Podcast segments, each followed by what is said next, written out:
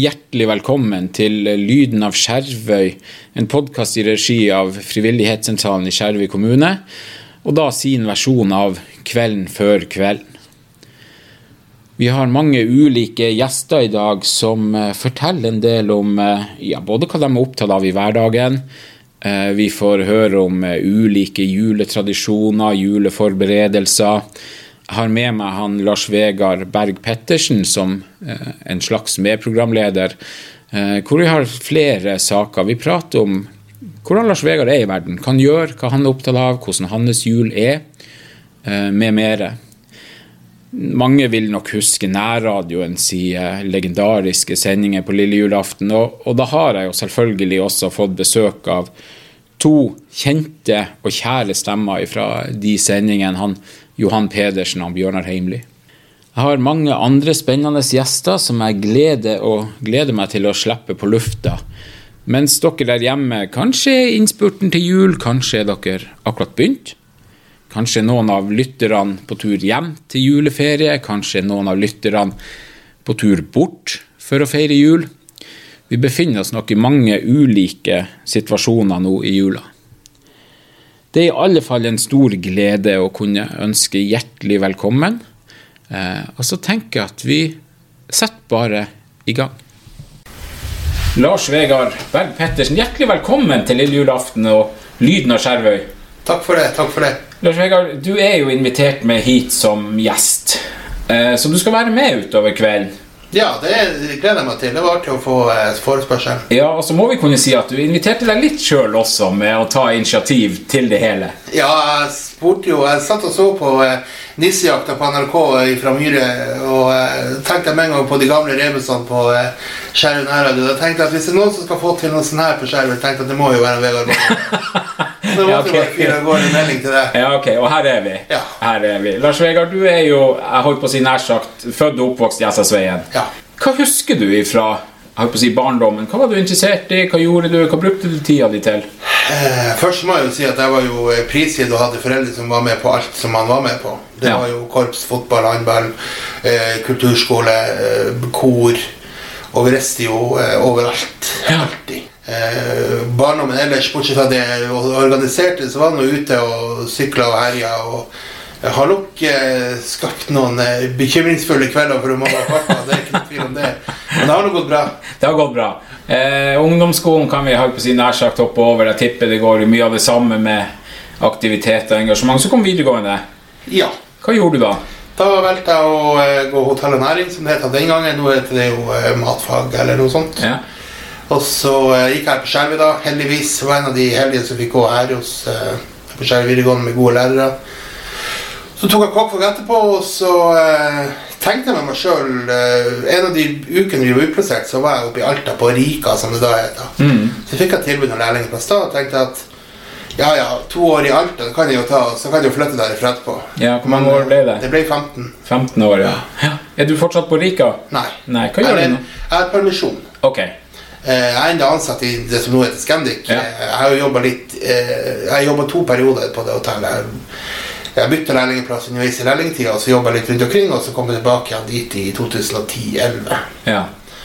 Uh, Fra 21 så har jeg vært frikjøpt. Jeg har hatt permisjon fra den jobben, og nå jobber jeg for Fellesforbundet. Jeg er valgt frikjøpt nestleder i avdelinga som dekker Troms og Finnmark. Mm. Hva gjør du der? Ja, det er alt mulig.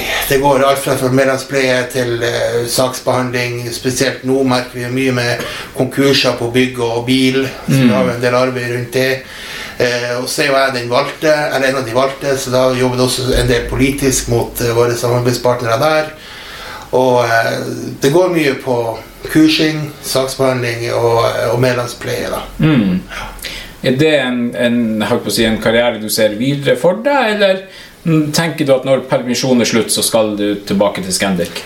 Jeg har nok bestemt meg for at Scandic skal ikke til. Ja. Uh, og de senere, spesielt etter at jeg flyttet til Tromsø og fikk en jobb hvor jeg har faktisk fri eh, på kveldene og fri i helgen, så har jeg jo fått muligheten til å være mye hjemme på øya. Mm. Så det er ikke noe tvil om at, uh, at uh, det trekker meg. Jeg har, lyst til, å- flytte hjem igjen når jeg er ferdig. Men uh, så er den jobben jeg har nå i Tromsø, og det er jo, jeg er jo ikke ansatt, jeg er jo valgt. ja. Så jeg har jo ikke noe fast jobb. Eh, så det er jo det også som er litt sånn her at hvor lenge gidder jeg holde på med det og hele tida Ja, For det går på Det går på valgperioder? valgperioder. Ok, Hvor lang en periode? To år. Ja. Ok, Sånn at du vet den perioden hva du skal gjøre, og så er det litt i det blå igjen etter det? Ja. Ja. Eh, og så sier du at du med, med fri helge så kan du godt komme hjem til Skjervøy en del mer, eh, for du er en lokalpatriot. Ja da. Det, det har alltid vært alt, Skjervøy har alltid vært i mitt hjerte. Og, Ja. og eh, jeg ser på eh, På jobb både på hotellet og på, eh, på kontoret nå i Tromsø, så er det alltid Skjervøy, Skjervøy. Jeg prater mye Skjervøy. Hva er det med Skjervøy kommune Lars Vegard, som har, står så sterkt hos deg? Det er vel at man hadde en, egentlig en, en fin barndom med, med mye eh, Hadde fritt spillerom, kunne lekt og gjort hva man kunne. Bare gått ut hjemme og, og alltid hatt kompiser i nærheten. Og eh, mye, mye frivillig aktivitet som har gjort at jeg kunne jo hatt eh, mye å sysle med på fritida. Og så har jeg hatt foreldre som ikke har sagt nei, og heller bare pressa på og sagt at kjør på hvis du vil, så, så gjør du det. Mm. Jeg husker jo da du, for at du var engasjert i håndball spesielt, husker jeg opp gjennom ungdomsårene, og da du dro til Alta, så var det også en vei inn i håndballen der for deg. Ja da. eh, det var jo også helt tilfeldig. For eh, året Sesongen før så var jeg på eh, regionsmesterskapet i, i Lødingen og dømte. Du dømte også, nemlig. Ja. Stemmer det? Ja. Og da var Jostein Reiersen, som også er Skjervøy-gutt, så var vi på nede i Lødingen og dømte. Da kom vi delt i, satt vi på buss med Bull, husker jeg, fra, fra Langslett Mm. til Lødingen.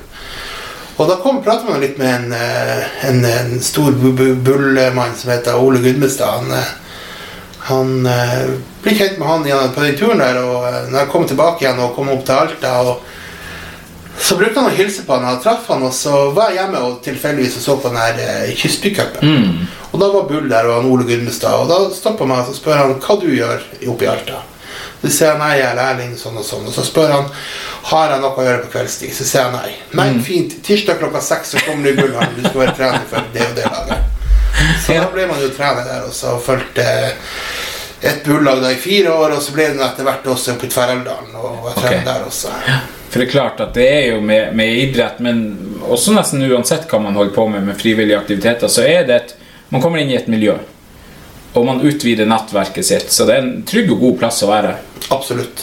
Og eh, jeg ser jo at mye av det grunnen til at jeg har lyst til å Eller at jeg hadde et eh, hjerte for å jobbe frivillig, sånn, det er nok også fordi at jeg så i min barndom hvor mye frivillighet som kom fra foreldrene sin side, og fra andre også, som stilte frivillig for, eh, for oss, for at vi skulle ha et, aktivitets, aktivitetstilbud for, for våres, på vår fritid. Da vil man jo bare bidra, vi også, med, med det jeg kan. Og, eh, og mange ganger så fikk man jo spørsmål at du gidder gjøre det der uten lønn og noe sånt her, men jeg tenker også at mange ganger når man får på de turene Det er jo stort sett de samme foreldrene som er reiseledere og alt sånt her.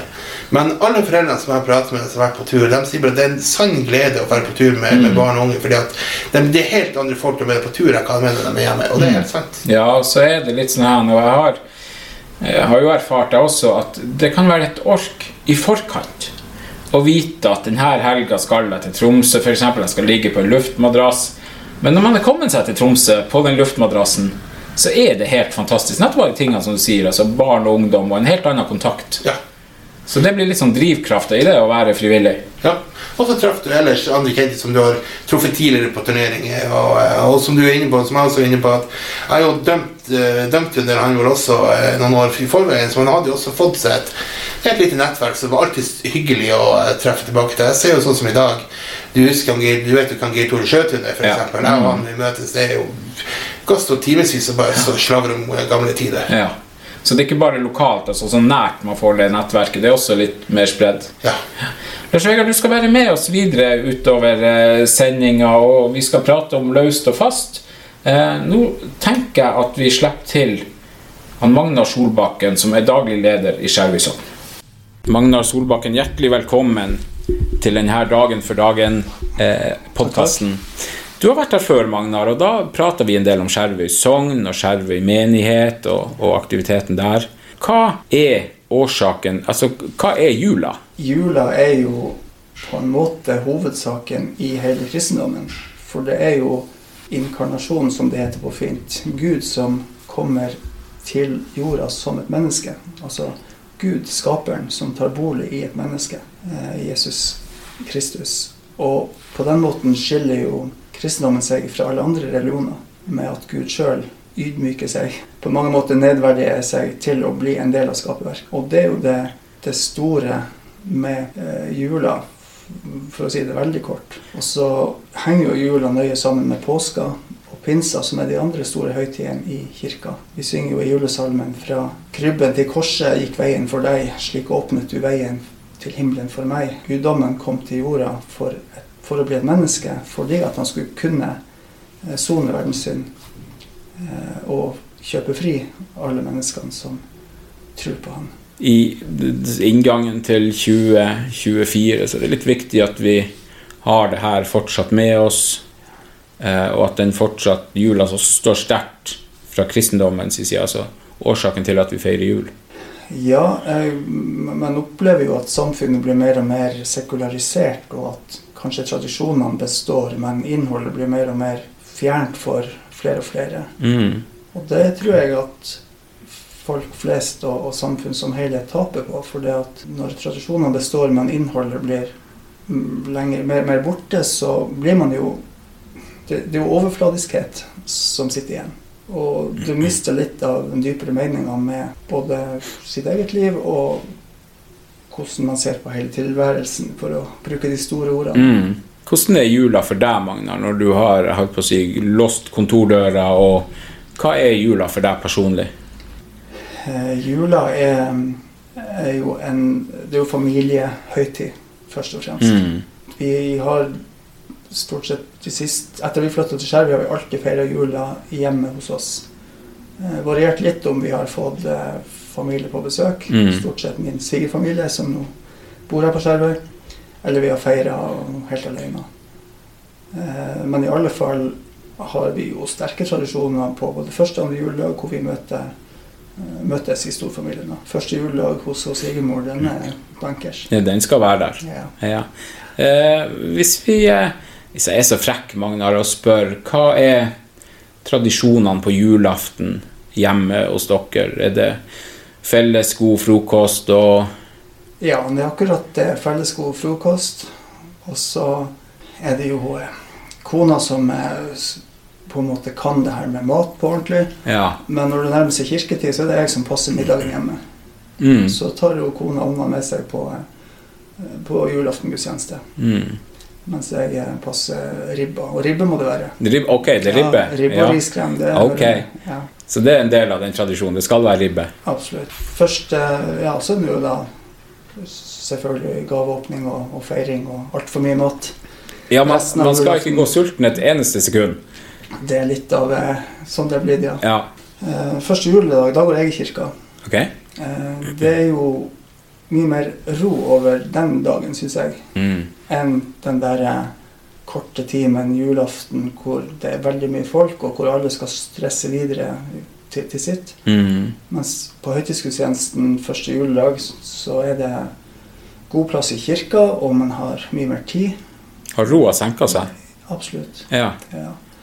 Og det er jo en høytidsgudstjeneste hvor det er en egen liturgi med Ja, det finnes salmer begge dager, men eh, absolutt en, en fin gudstjeneste, det også. Ja, og jeg, og jeg kjenner det nå, det du sier, for at vi har nå Det er klart, dagen i dag er kjempehektisk. Man, skal gjøre, man tenker man skal gjøre det rent, man skal pynte.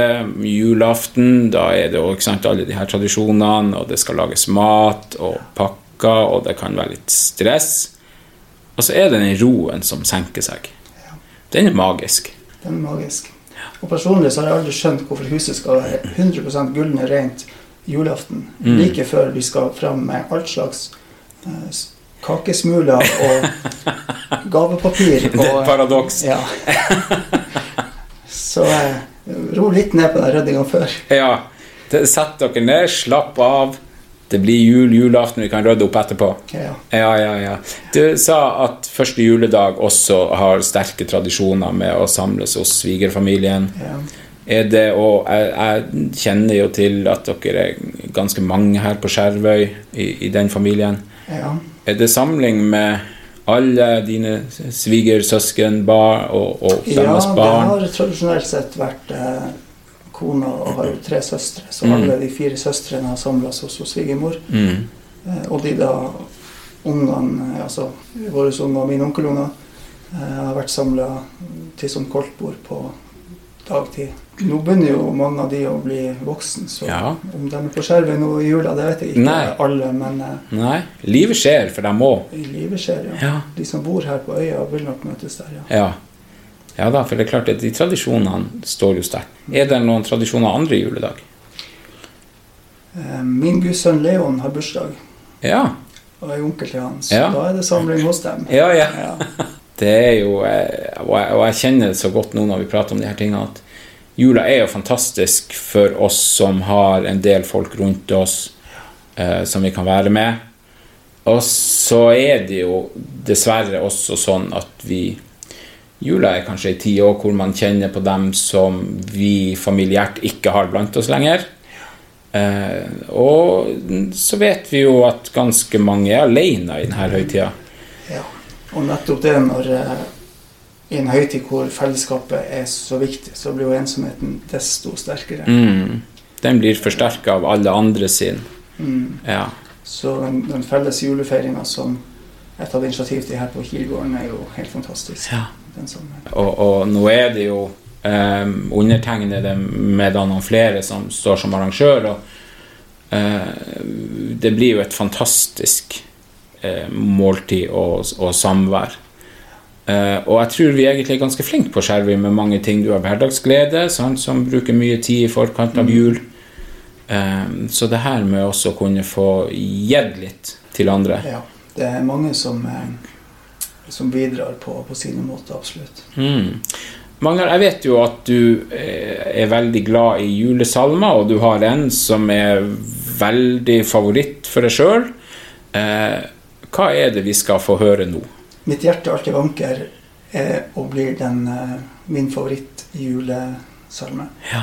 Vi skal nå få høre den fremført av 70 grader kor. Eh, Magnar, tusen hjertelig takk for at du tok deg tida, tida til oss her på lille julaften. Takk for at jeg fikk komme. Jeg vil ønske gledelig jul til alle som lytter. Mitt hjerte alltid vanker i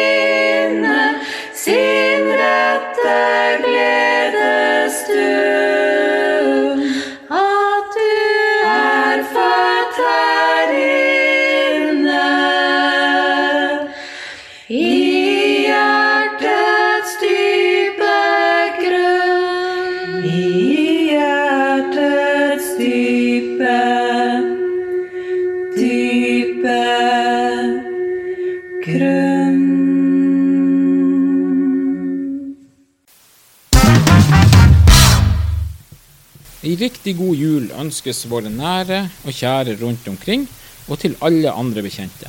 Hilsen fra Ingrid Sollid Bakken og Tor Magne Johannessen. Vi som er pårørende og som jobber for å få aktivitetsbord til Solkroken og sykestua, vil sende beboere og ansatte et ønske om ei riktig god jul. Vil også sende en hilsen til alle pårørende som sitter hjemme og savner dem som er beboere på Solkroken. En kjempeklem til dere alle. Hilsen Lisbeth Johansen. God kveld, alle sammen. Tusen takk for at dere lager Kvelden for sen... Kvelden Ei riktig god jul ønskes våre nære og kjære rundt omkring, og til alle andre bekjente. Hilsen fra Ingrid Solli Bakken og Tor Magne Johannessen. Vi som er pårørende, og som jobber for å få aktivitetsbord til Solkroken og sykestua, vil sende beboere og ansatte et ønske om ei riktig god jul. Vil også sende en hilsen til alle pårørende som sitter hjemme og savner dem som er beboere på Solkroken. En kjempeklem til dere alle. Hilsen Lisbeth Johansen. God kveld, alle sammen. Tusen takk for at dere lager Kvelden før kveldssending til oss. Det er en nydelig tradisjon. Vi vil hilse til alle som hører på, gode venner og ikke minst storfamilien vår. Spesiell hilsen til Reidar, Madeleine, William og Samuel, og Grete, Eirik, Leonard og Jakob, som feirer i Tromsø i år. Vi andre er hjemme på Skjervøy og koser oss hos mamma og pappa i Rønning Øskersvei. Men vi savner resten av flokken veldig. I gamle dager da vi hørte på sendinga fra nærradioen, så brukte pappa alltid å få spilt Mitt hjerte alltid vanke med Mari Boine etter julehilsen sin som ordfører. Kan dere være så snill å spille den for oss i år òg? Det blir ikke jul for oss Våge-ungene uten den. På forhånd takk. Vi må også få si takk til alle som vakter i jula, spesielt våre kollegaer på UNN, sånn at vi kan få ha fri. Vi ønsker alle og enhver en velsigna julehøytid. Husk å ta vare på hverandre. God julehilsen fra Ailin og Øyvind Våge Solhaug. Ønsk å sende en julehilsen med ønske om ei riktig god jul og et godt nytt år. Til familie, venner, bekjente og kollegaer på Skjervøy barneskole. Vær god mot hverandre. Juleklem fra Beate, Sebastian, Samuel og Selma. Vil først og fremst få lov å sende en hilsen til radiovert for Lyden av Skjervøy, og takke for det fantastiske initiativet med sending lille julaften. Jeg sjøl vokste opp med nærradio på lille julaften, og det gir meg skikkelig julestemning. Ellers vil jeg hilse til kjente og kjære på og utafor øya, kollegaer på barneskolen, mine sangglade venner i 70 grader kor og Skjervøykoret. Så må vi ikke glemme å tenke på dem som må jobbe i jula og i romjula. God jul til alle sammen. Hilsen Kine Bjerk Hansen.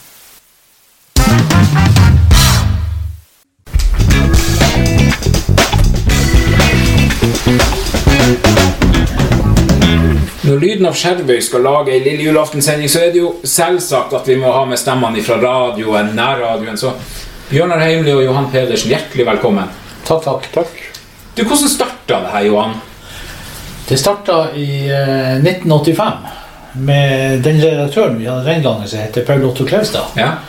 Og Paul Otto eh, ringte meg og sa han, eh, skal vi lage sending på lille julaften. Så er du gal.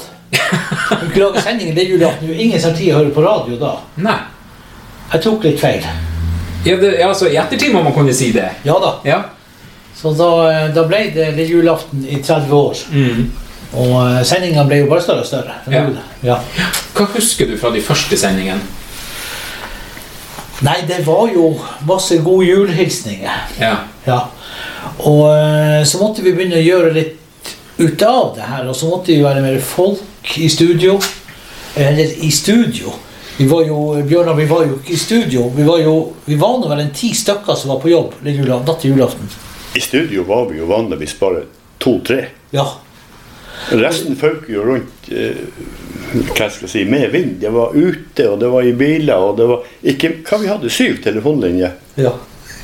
Og det lyste på samtlige linjer hele tida, og det satt folk og skrev.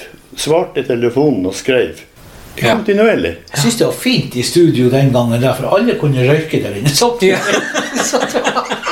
Ja, det var, det var en uh, fortetta atmosfære. Og ingen avlufting i fire timer, i hvert fall. Nei, man så ingen, en annen ting som, som jeg minnes med den der sendingen, det var det at det ble jo, det ble jo notert lapper med hilsen til og fra. Og, Mm. og etter hvert som vi leste, så heiv vi de lappene på gulvet. Bare det, rundt bordet der Ja. vi satt. Og dere kan jo tenke dere hvordan det så ut i det studio med, med 300-400 sånne her lapper som var skrevet og kommet inn og maila og Ja. på- Det var nå på slutten det var maila. Men det var Ja, det var en spesiell stemning. Det var det. Og det, var, det ble jo en sånn tradisjon for oss også at vi vi trengte jo ikke å lage så mye kjøreplan, for vi visste nøyaktig hva vi skulle gjøre den natta. Ja. Ja, Og ja, sendinga varte i fire timer. Ja. Og det var nesten i korteste laget. det var likt fra år til år. Ja. Det var ingen overraskelse. Sånn Man, ja, man fulgte den forma. Ja. fulgte den eh, lesten som var laga. Ja. ja. Hva, er det noen sånn høydepunkt man husker, man tar med seg? Ja, altså Vi har jo en episode som gjør at vi kom i ei av bøkene til han Knut Smistad. Mm -hmm. Det var på Arnøya. Og han Kurt Michaelsen han var vår utskremte på Arnøya. Han skulle gjemme seg for å dele ut et fenalår og eske konfekt. Ja. Altså Rebus, hvor er jeg nå? Og så skulle folk finne han. Og Kurt han gjemte seg med lykta på singla. Ja. Og den er jo på øversida av veien. ja. Og eh, så parkerte han, det var speilholke. Og det var jo flere som skjønte hvor han var, og de kom jo fort. Så det kom jo en bil fra Kommer ikke fort til Singla. Du må kjøre en stund. Ja, du må kjøre, men, men når du kjører, du kjører fort for å komme være først. Ja, ja. Her er det tross alt et fenalår det står. Ja, det, ja, store ting. Så det, den som fikk fenalåret, og den som fikk konfekten, de, det ble vel ofra tre biler som ble totalvrak. Men den, den natta der så fikk ikke vi høre det. Ok? Vi fikk, vi fikk inn en melding om natta som var litt sånn kryptisk. Så jeg ringte han Kurt, så hadde det skjedd noe på Arnøya. Nei, nei. Men andre juledag da så vi jo Bergensbanen komme to av bilene. Men de fikk fenalår De fikk fenalår og konfekt. og konfekt. Ja. Eh, Bjørnar Rebussen er jo noe som mange husker. Ja. Eh, hva husker du om Rebussen? Nei, nå var aldri jeg ute og delte. Det skjedde ikke. Jeg var aldri okay. ute på Rebus. Jeg satt i studio. Okay. Hadde liksom, mitt område var inne på radio. Ja. Og eh, han Johan og han Kjetil var gjerne de to heltene som var ute og kjørte og til dels ofra biler. og bilene sine. Det vil si, vi bytta biler. Med hvert kjørte de vel min bil, og med hvert kjørte de jeg tror det er Elektro sin bil, og for ikke å bli avslørt. Mm. Men folk kunne jo ikke bare blindt følge etter, for man måtte ha med seg noe. Ja, men du vet det var omgjørelse å sende noen ut og se hvor vi var. Ja. Så kunne de ringe hjem. Oh, ja, ja, ja. ja. Eller så kunne de få gi beskjed videre at eh, for, lag, for vi skulle ha Kok egg. Kok egg, ja. Ja. Det skulle vi ha hvert år. Kok ja. egg. Så man skulle ikke gå sulten, mamma. ut- Nei, nei. nei, nei, reporter. Du var aldri sulten på den natta der for oss som var ute. Ja. For vi, eh, vi gjemte oss, og så var det revus å finne oss, og da, eh, da skulle de ha noe med til oss. Og det var Ja, det var jo greit. Og, Mm. og vi måtte tenke litt. Eh, er- erfaring blir man jo klok. Vi måtte par parkere sånn at ikke vi ble påkjørt. For folk kom fort. ja. Det kom veldig fort. Så det, det gikk jo det gikk jo brukbart. Ja. det gjorde det. Er det noen eh, jeg, jeg kjenner jo til en historie fra videregående. Dere sto der, og båten la til. Hvordan var den? Det var det at vi sto med videregående eh, skolen i mørtna bak de skurene der, og uh, i den tid hadde doktorbåten uh, hadde kai der. Og de hadde selvfølgelig hørt på oss som bor i doktorbåten, så når vi da hadde kommet med et problem, så hadde de løst løst om bord i båten. Jeg tror vi skulle ha et rundstykke. Så de hadde mat om bord, så han var smurt ferdig, og da sto legen frem på baugen, så ropte han jeg er først, jeg er først, da, men jeg er så treg å legge.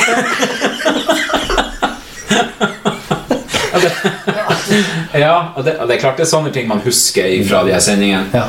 Og Lille julaften-sendingen skapte jo en stemning i hjemmene til folk som jeg tror mange har tatt med seg, Bjørnar. Ja, helt, helt klart. Jeg får jo enda den dag i dag eh, spørsmål om hva- hva i verden skal vi gjøre på lille julaften når vi ikke kan slå på radioen og høre på nærradioen?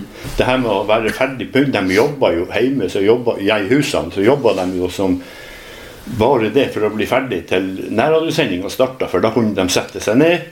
Det var liksom starten på jula. Åh, nå Ja. kan vi puste ut og sette oss ned og høre nærradio. Ja. Og det er enda sann eh, hos en del, har jeg inntrykk av. For jeg får iallfall spørsmål eh, hvert år. Eller kommentarer på at det er noe synd at ikke at ikke det er lille julaftensending fra nærradio. Det var jo den første responsen jeg sjøl fikk da vi la ut første podkast av Lyden av Skjelvi, Så var det jo med en gang eh, tanker tilbake til nærradioen og lille julaftenssendinga og den stemninga. Eh, men hvordan var det for deg sjøl, Bjørnar, i forhold til det her med juletradisjon? Det må jo ha blitt en tradisjon nødvendigvis? Ja, klart det. Jeg hadde det jo sånn at jeg jobba som regel julaften. Jeg var jo på butikken på julaften, og det var faktisk en av de fineste dagene i året å gå på jobb. Så jeg var på nærradioen, til to, halv tre om natta, og så var det hjemme i full fart og sove. Og det er jo sånn at når du har sittet på radioen i fire timer, eller jo, Vi var jo egentlig der i seks timer, men sendt i fire timer. Og, og når du da kommer hjem, så er det ikke bare å slå av og gå og legge deg. Du må sette deg ned. Og, så det ble knapt med søvn før julaften. Men sånn var det, og sånn skulle det være. Det var jo masse år ikke jeg pynta juletre hjemme. Så Ja. noen lurte jo på om vi gjorde det her bare for å slippe unna og jobbe hjemme. Men det klart Det ble en tradisjon. Det ble en tradisjon. Ja, ja, absolutt. Eh, Jeg regner med for deg også, Johan. Ja, kan du skjønne. Og eh, akkurat i sendinga der så hadde vi en sak som vi, vi starta jo ja, kanskje nokså tidlig, ja, med, med kor. Å få folk ut og synge Ja. om natta. Ja. Og vi måtte jo etablere sånn at vi, var, vi måtte jo skal ha Arnøya med oss. Alle tre plassene. Rauksletta, Arnøyhamn og Årvik. Og så skulle de synge, og blant dem som møtte opp der, så ble det også trukket ut et fenalår og Gjeske-konfekt. Ja. Og eh, der var jo det var, det var, Folk var veldig flinke å møte opp. 200 til radioen Ja, klokka to om natta. halv to, to om natta Ja. på lille julaften. Det var, det var helt utrolig. At, og, og vi visste det at Vi satte opp skjermen klokka kvart på to, tror jeg. Halv to. Halv to. Ja. Og da får vi 100-200 mennesker som står utenfor radioen og synger. ja. Men Rauksletta Bjørnar, de var ekstra flinke. Ja, der var de jo spesielle. Det er greit nok at de sang, det var jo julesang vi, vi gjerne ba om. ja. Laugsletta stilte dem med eh, egenskrevne sanger. Okay. Jeg er sikker på at de må jo ha begynt på det her i oktober. Ja. Ja, ok, så de la Og det en var del ikke ekstra bare én gang, det var flere ganger at de stilte med eh, egenkomponert, holdt Ja. jeg på å si. Egenskrevne sanger. Så det er klart en god tradisjon for dem også. Ja, det var jo det. Det var jo det. Det var aldri problem å få Vi var jo avhengig av at noen på Arnøya tok eh, ansvar for det her. På alle de tre plassene. Og det var aldri problem å få Nei. folk. Nei, det var Det folk, var vel heller motsatt at de begynte å lure på utpå senhøsten om ikke vi var begynt å planlegge julaften. fikk jo tidlig melding Når skal dere ha oss på lufta? Ja. ja, er det vår tur? For vi bytta litt på rekkefølgen. Men, Ja, okay, ja. men uh, Skjervøy det var bestandig klokka halv to om natta. Mm. da sto folk utenfor radioen og sang. Og var jo, så hadde vi jo faste innslag. Vi starta alle sendinger med pressen. Ok. Pressen fortalte om det skulle, han skulle gjøre i jula. Og det ble jo en tradisjon sånn at det var først ut ca. kvart over ti. Og så hadde vi ordførerne i hele Nord-Troms. Alle ordførerne som hadde nyttårshilsen, jul- og nyttårshilsen til eh, Ja, lyttere. Og det må jeg jo krype til korset og innrømme i dag, at det var jo opptak ifra, Ja, ifra de her kommunene. Bortsett fra én. Skjerveis ordfører. Han stilte bestandig live i studio. Ja. Ja. Og jeg, Med visse krav. ja, ja, det var det jeg skulle spørre om. Om Fulgte det ikke med noen? Ja, ja, det var helt klart. Ja. Hvis ikke han fikk høre Mari Boine Ja. Mitt hjerte alltid vanker. Hvis ikke han fikk høre den etterpå, så tror jeg han gikk hjem uten å si et ord. ja det var Roy Vågen. Det var Ja. Roy Ja, ja, Han var jo faktisk eh, Han var jo like mye nesten som vi hadde radio, så var han ordfører. Ja. Han var nå ordfører i 30 år. ja, nesten så. Ja, nesten så. Eh, det er andre ting, Johan. Ja, vi hadde jo, vi hadde jo eh, hjembesøk. eh, tenk på de siste årene med han Kjetil som var ute, så var vi jo hjemme hos folk. Vi trakk lotteriet, så kjørte vi hjem til dem og fortalte at de hadde vunnet lotteriet. Eh, vi trakk også større lotteri for idrettsklubben, og sånt, så vi kunne faktisk dele ut møblement og snøfresere og Ja. mer til. Ja. Og da satt vi en gang i et hus. Det var to stykker godt voksne folk. Hun var kjempesyk. Hun lå i senga. Og vi lagde en sånn eh, Vi lagde en reportasje derfra som Alt gikk jo på direkten. Mm. Du skal liksom være følsom på hva du gjør og sier. Og den ble veldig følsom. Okay. Ja. Men eh, det er også en del av jula. At det kan være litt alvor. Absolutt. Ja. Så det var, eh, det var en sak som var veldig spesiell, og vi, det satt nok i kroppen på oss begge to. Både meg og Kjetil som var der lenge. Men så var det jo hjemmebesøk. Det var jo Altså, vi, vi inviterte oss jo til folk, og, og det var fantastisk. Og, men vi var avhengig de første årene at vi hadde telefonlinje. Ja. Det var ja, det var ikke gitt. Ja, det var ikke gitt at Nei. det hadde, nei. Og hvis Nei. ikke folk hadde telefon, så kunne de faktisk ikke komme til dem. Det fikk vi jo ikke se. Og så var det å strekke kabel og rigge oss til i stua og ordne oss til og så kjøre et kort intervju, og så rive ned alt og si ha det, og da hadde vi rota til hele huset. Flytta gikk i gangen for å komme til kontakter. Det var da bare å begynne på nytt. Ja, og begynne på nytt for dem, ja. Nei, så det var, det var veldig, veldig artig. Ja, herregud. Du har jo nevnt han Kjetil, og da er det jo han Kjetil Skog som Ja. var med. Eh, Jeg husker jo også noen andre. Man skal jo akte seg for å nevne navn, for det er klart at i løpet av 30 år har det jo vært en del som har vært med, og for å ikke glemme noen. Men som sjøl så, så husker jeg jo, og da er det jo spesielt to som ikke er blant oss mer, det er jo Bjørn og han Håvard. Ja. Bjørn Nøvrik og Håvard Mathiassen. Ja. De var med i mange år. Ja. Ja, det der husker jeg stemmene altså, sitter enda når jeg hører Lille julaften, så, så tenker jeg også på dem. Det som, det, det som jeg har tenkt på i forbindelse med at folk og, og dem som var i radioen og jobba med det, det var ganske mange som var veldig mange år. Altså Det var en solid gjeng.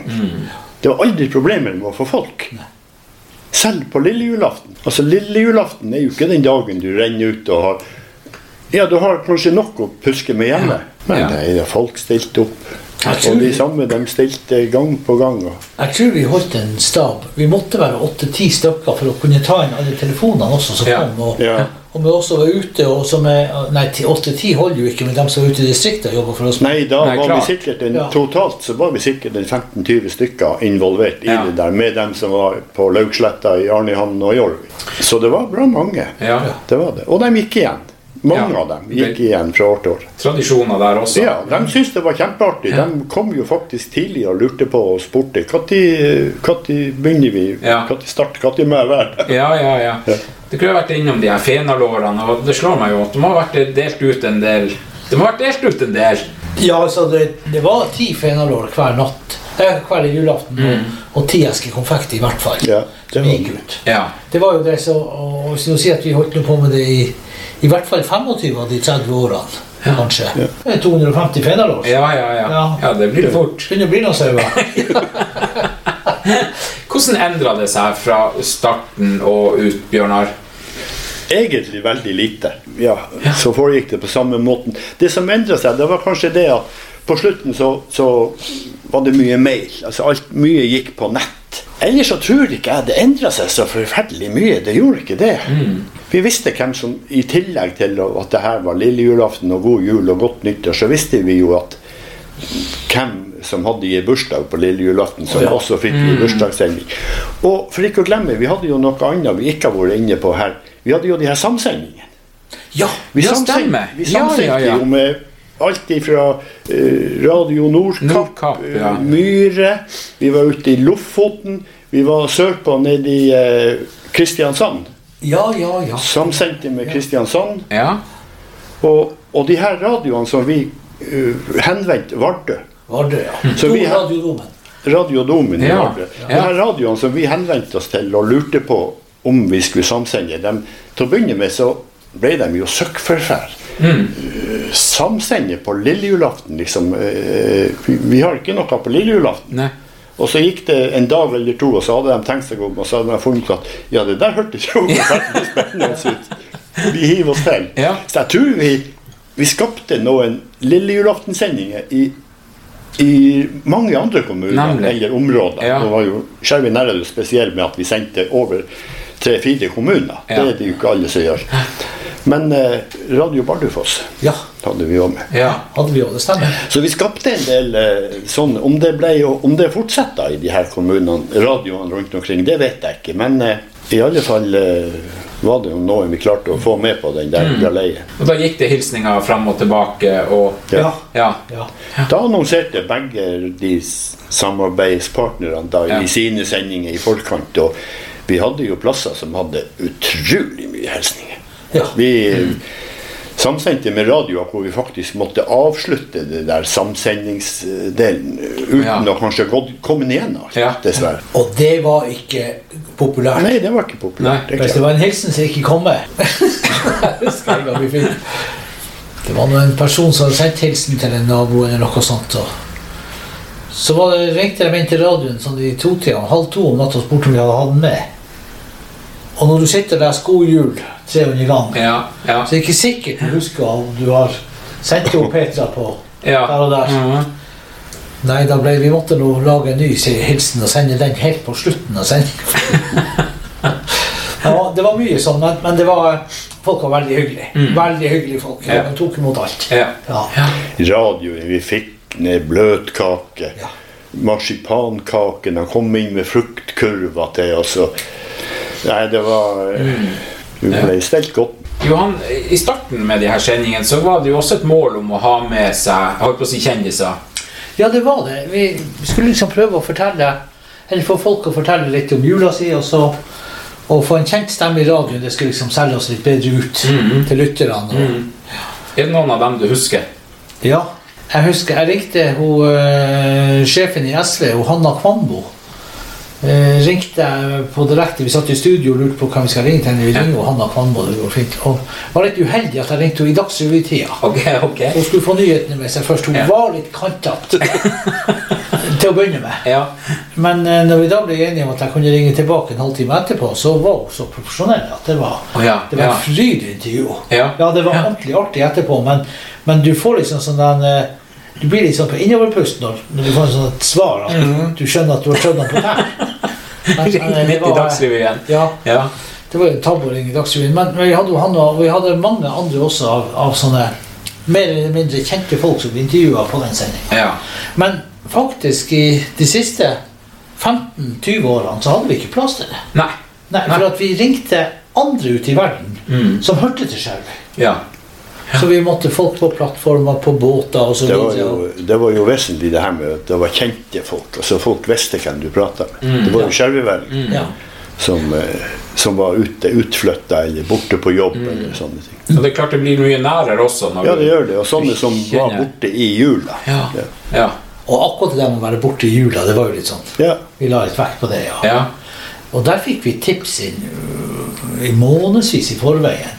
Ring han, ring Ring, den, den personen skal være der og der i jula. ring ja. Så prata vi med båter. Vi prata med Hurtigruta hva de lagde til middag på julaften. og Ja. sånne ting. Det, var, Ja. det gjorde vi ofte. Hva er jula for deg i dag, Johan? Barnebarn. Syv stykker, og Ja. det er jula for meg. Så det og, og så var det litt spesielt her for noen år siden å være hjemme litt julaften. Ja, Det må ha blitt rart etter Jeg ble 30 litt år. rastløs. Ja, ja, ja. jeg skulle finne på. Så jeg Gikk i tull. gikk i tull, ja. Rett og slett. Nei, det er klart det er fint å være hjemme med familien. Det er Ja. absolutt. Ja da, Og du har fått barnebarn på ditt slektsstudio ja, også. ja da. Det er det. Så det er barnebarn i jula, det er ikke tvil. Bjørnar og Johan, tusen hjertelig takk for at dere tok, og, tok dere tida til å gjeste denne eh, sendinga og delte villig om deres erfaring fra lille julaften og minner fra nærradioen. Ja, så tror jeg vi må si på vegne av oss som var i nærradioen, Bjørn, vi får ønske lytterne god jul. Ja. Lars Vegard, nå regner jeg med at det meste av juleforberedelser er gjort. Hva er jula for deg nå? Eh, jula for meg er egentlig mye stress. Eh, fra, I hvert fall fra den tida jeg jobba på, eh, på hotell, så er det jo alle helgene før jul er jo julebordshelger og eh, masse å gjøre på jobb, så da er det ikke håp om å få gjort noe som helst annet. Og, og da jeg jobba oppe i Alta, så var det bare om å gjøre å komme seg hjem tidligst mulig når, man var ferdig med, med julebordsesongen oppe i Alta. Eh, men når hun kommer hjem, så er det familie. Ja. Ja. Mm. Og det er bare for å ikke slippe den julebordsesongen. Det er Det skjønner jeg jo at den førjulsperioden, den blir strekt. Den blir lang. Ja. Så- Heldigvis ikke like lenge som jeg står i butikk. Nei, så det kunne vært verre. Det kunne vært verre. Ja, definitivt. definitivt. Når du kommer hjem, Lars Vegard, til jul, fortell litt om det. Ja, da er det jo stress å få ferdig de siste gavene og få levert ut dem, og så har man jo litt slekt og sånt spredd, eh, i hvert fall i Nord-Troms og eh, og Alta nå, da, som også må, eh, må få rukke å få besøk for jul. Så eh, tida den går fort, og, eh, men det er trivelig. Det er godt humør, koselig ute, folk i godt humør, og det, det er bare kos. Litt positiv stress. Ja, Hvis man noen gang kan bruke et sånt begrep, så er det knytta til jul. da. det er det definitivt. Ja. Du, hva husker du fra jul da du var en, en knøtt? Ja, det var jo det samme. Det gikk jo, eh, gikk jo å glede seg selvfølgelig fra tidlig november til julaften til det, det som skulle skje da. Og, og, eh, men jeg har alltid hatt et minne om eh, nærradiosendinga. Satt hjemme på lille julaften, hørte på den og, før jeg fikk lappen. da Ja. Før jeg fikk lappen Satt vi hjemme og spiste grøt, og mamma holdt på med og litt sånn forskjellig. Og siste finish før, eh, før jul. Så eh, vi har aldri hatt juletre hjemme hos oss. Vi har, eh, så vi har ikke hatt den, den at vi skal pynte juletre på julaften. Ok, nei. Ehm, så, eh, så det har holdt på med andre ting. Pynta til jul, gjort klart til jul. Bare gleda oss egentlig til dagen derpå. Mamma og pappa holdt på litt på kjøkkenet. Og, En selve julaften, hvordan var den? ja, det var jo stå opp tidlig som mulig, for at vi var jo Jeg var i hvert fall jeg, da. Skitnervøs, hvis jeg kan bruke det uttrykket. Og det var opp og se på julesendinga og, og se på alle de her episodene med Mickey Mouse og Donald Duck og mm. Tre nøtter til Askepott og Reisen til julestjernen og alle de her. Så det var jo det lå klistra foran TV-en helt til eh, det var julefrokost. da, Og så når julefrokosten var ferdig, så var det tilbake til TV-en.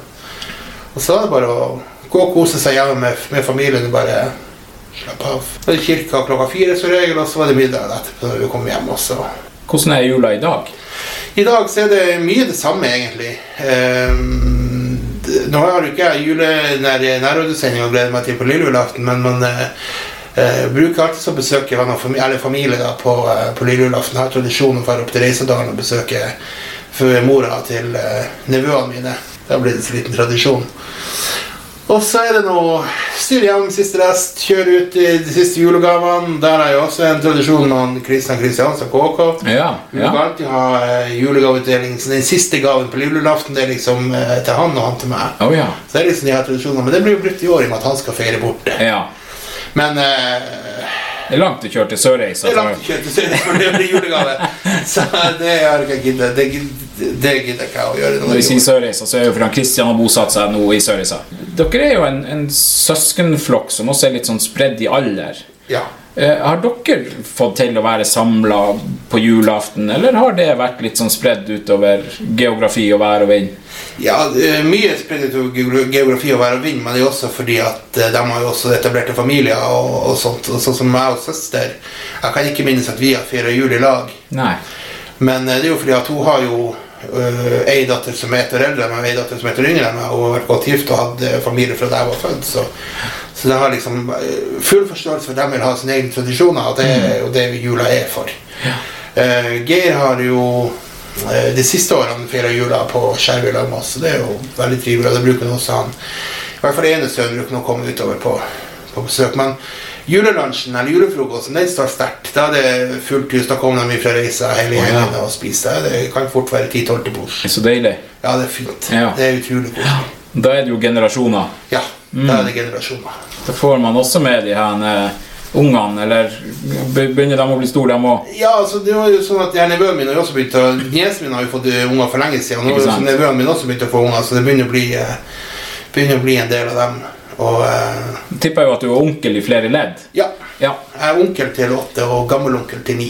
Lars Vegard, nå er det vel en, en eh, det er jo, Livet er jo sånn, og det livet gir oss og de tar, og, og alt det her. Vi er, har vel alltid noen som eh, vi tenker ikke er med oss i jula. Vi har sikkert noen lyttere som skal feire jul borte for første gang, eller, eller uten noen for første gang. Og, og det, du har vært igjennom det her du også, med da far din gikk bort.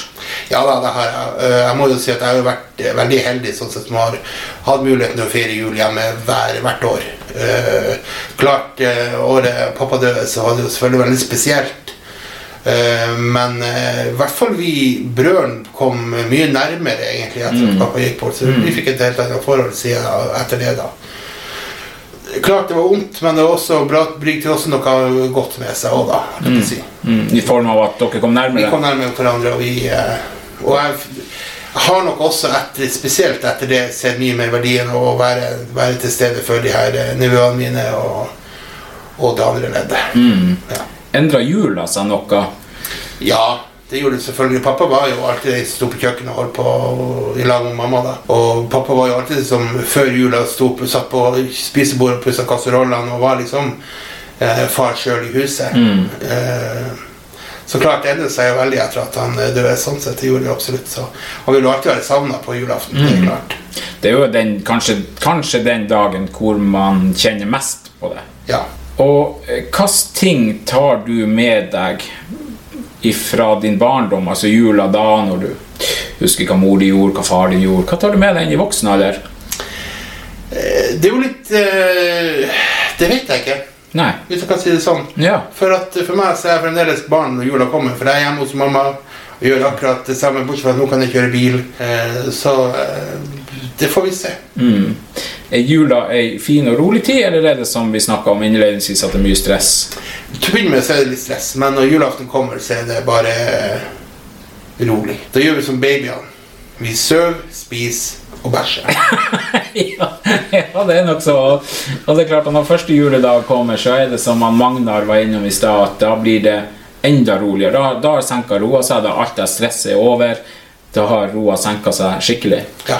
Så er det bare å få besøkt litt familie, og sånt, men alt går i mitt eget tempo. Og i vårt eget tempo, så det er ikke noe Ingen stress. Det som skjer, det skjer, og det, det vi ikke får tid til, det fikk vi ikke tid til. Nei. Du, hva spiser dere på julaften? Ja, det er ribbe og pinnekjøtt. Det er ribbe og pinnekjøtt, ja. Ja. ja. Vi skal kunne velge. Yes. Hva er favoritten din? Ja, det, det var jo så pinnekjøtt eh, til å begynne med, men så eh, har jeg fått mer og mer smak for ribba, så kanskje ribba har begynt å ta over for pinnekjøtt. Så ribba har vokst på deg. Vi, ribba har vokst på meg, ja. Hei, jeg heter Oliver. Hei, jeg heter Simen og går i syvende. Det beste med jula er å være med familie og spise mat. Det som er viktigst for meg, er å være med familie. Maten jeg liker å spise, er ribbe og pinnekjøtt. Maten jeg liker, er pinnekjøtt og ribbe. Jeg liker å se på TV julekalendere. Jeg ser på Home Alone. Jeg bruker å sove lenge. Jeg bruker også, å sove- jeg også å sove lenge. Jeg heter Ella. Jeg heter Stine. Jeg heter Helene. Eh, Det beste med jula er å være med familien og spise god mat. Og sove lenge. Og ha fri. Jeg liker å spise pepperkaker og pinnekjøtt. Ja, det samme og godteri.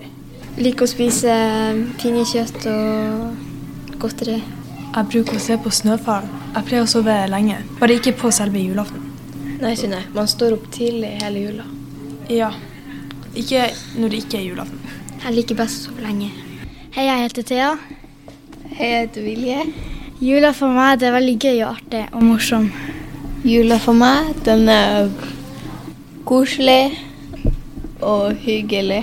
Eh, Jeg bruker å være med familien mye fordi de bruker å besøke oss. Og så bruker jeg å lage pepperkakehus og pynte med juletre og sånt. Og spise frokost og drikke kakao med dem. I julegave ønsker jeg meg en hund. Det har jeg ønska meg lenge siden jeg var liten. Jeg ønsker meg en katt fordi jeg er en katteperson, og jeg elsker katter. Jeg klarer ikke å sove på kvelden, så jeg bruker noen gang å sove liksom litt senere. Men jeg, mesteparten så har jeg vekkerklokke som jeg våkner altfor tidlig for det vil åpne gavene. Um, det varierer litt når jeg står opp, fordi det spørs om jeg er veldig trøtt eller ikke. Hvis, hvis jeg liker å drøye tida litt, for at da skal det være kjappere til middag og sånne ting, så liker jeg å sove ganske lenge. Men hvis det er ganske mye sånn her frokost og sånn som vi pleier å spise på julaften, så liker jeg å stoppe tidlig. Jeg heter Tilde. Jeg heter David. Jeg liker å spise eh, ribbe og pinnekjøtt. Og risgrøt. Det er godt. Jeg liker å spise ja, pinnekjøtt, ribbe, kalkun, grøt, ja. Og godteri. Hvis vi er hos pappa, så bruker vi å være i kirka noen ganger. Men hos mamma så koser vi oss med å se på TV og se sånn jule-TV og se på Askepott og sånne ting. Vi bruker å dra i kirka og er med familie. Vi bruker å være alle i huset. Vi bruker å få besøk av Ja. Eller så er vi og spiser. Vi spiser én plass alle årene. Glade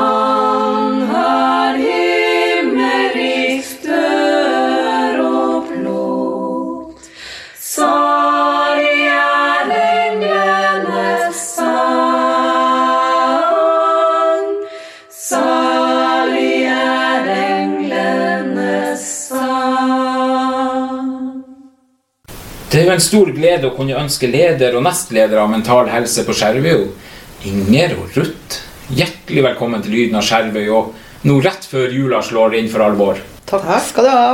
Hyggelig å bli invitert. Ja, vi er jo inne på det her med mental helse. Eh, Inger, skal vi starte først med å redegjøre? Hva er Mental Helse Skjervøy, hvis vi tenker organisasjon eller foreninger? Det er jo en landsomfattende organisasjon da, med sentralstyre, og så har du jo fylket under dem igjen, og så har du lokalstyret med lokallag, som vi representerer. Hva er aktiviteten, eh, Ruth? Det er jo at vi møtes eh, annenhver torsdag eh, på Kilegården. God oppslutning fra Ja. medlemmer. Eh, Mandagene så har vi jo tilbud i bassenget, som vi leier av Skjervøy kommune, og den treningssalen. Det er nå det vi har fast, som jeg kommer på. Hva gjør dere på Kilgården torsdagene? Nei, det kan være å lære å strikke og felle en hæl, for Ja, se eksempel. Som noen har veldig tungt for å lære. Nei, og det går nå det der, å møtes. Ja, Det er jo det viktigste. det er den verdifulle kaffekoppen. Det, det, det, det er det. Og kanskje litt å bite i en kake. Ja, ja, ja. sånn. Det hører med i sosialt lag å Ja, og så har vi jo medlemsmøtene, og da har vi jo kanskje litt mer man kan bite i. Ja, det er en gjenganger. Man skal nok ha bite i. Ja, det må man ha. Ja. Så absolutt. Ja. Eh, Inger, hva gjør at du har engasjert deg i mental helse? Ja, det kan du si. Altså, personlig så har jeg jo bestandig vært med i et eller annet. Fra Ja, bestandig. Det kan være kor, det kan være korps. Og så nå er det å jobbe, selvfølgelig. Og da jeg da slutta å jobbe, så måtte jeg jo være med i noe da òg. Så i første runde så var det for å være medlem. Og så mental helse. Du støtter jo en god sak. Så det var sånn at jeg kom inn i det her. Og så har det nå vært har det nå balla på seg til at jeg er kommet så høyt som leder i mental helse. Jeg regner med at det egentlig er et gledens verv å ha. Absolutt. Det er et gledens verv. Og, eh, ja, og Ruth hun nevner jo hva vi gjør.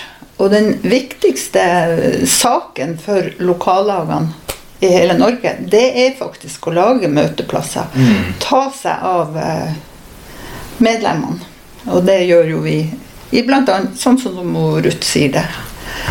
Så eh, det er jo det organisasjonen vår på Skjervøy eh, ja, jobber med. Ta oss av. Og det er kjempeviktig for meg å få melde at eh, Skjervøy mental helse er det største lokallaget i Troms og Finnmark. Ok. Med flest medlemmer, Ja. altså. Ja. Og det er vi jo kjempestolte over. Hva er det som gjør at man har lyktes så godt med mental helse på Skjervøy?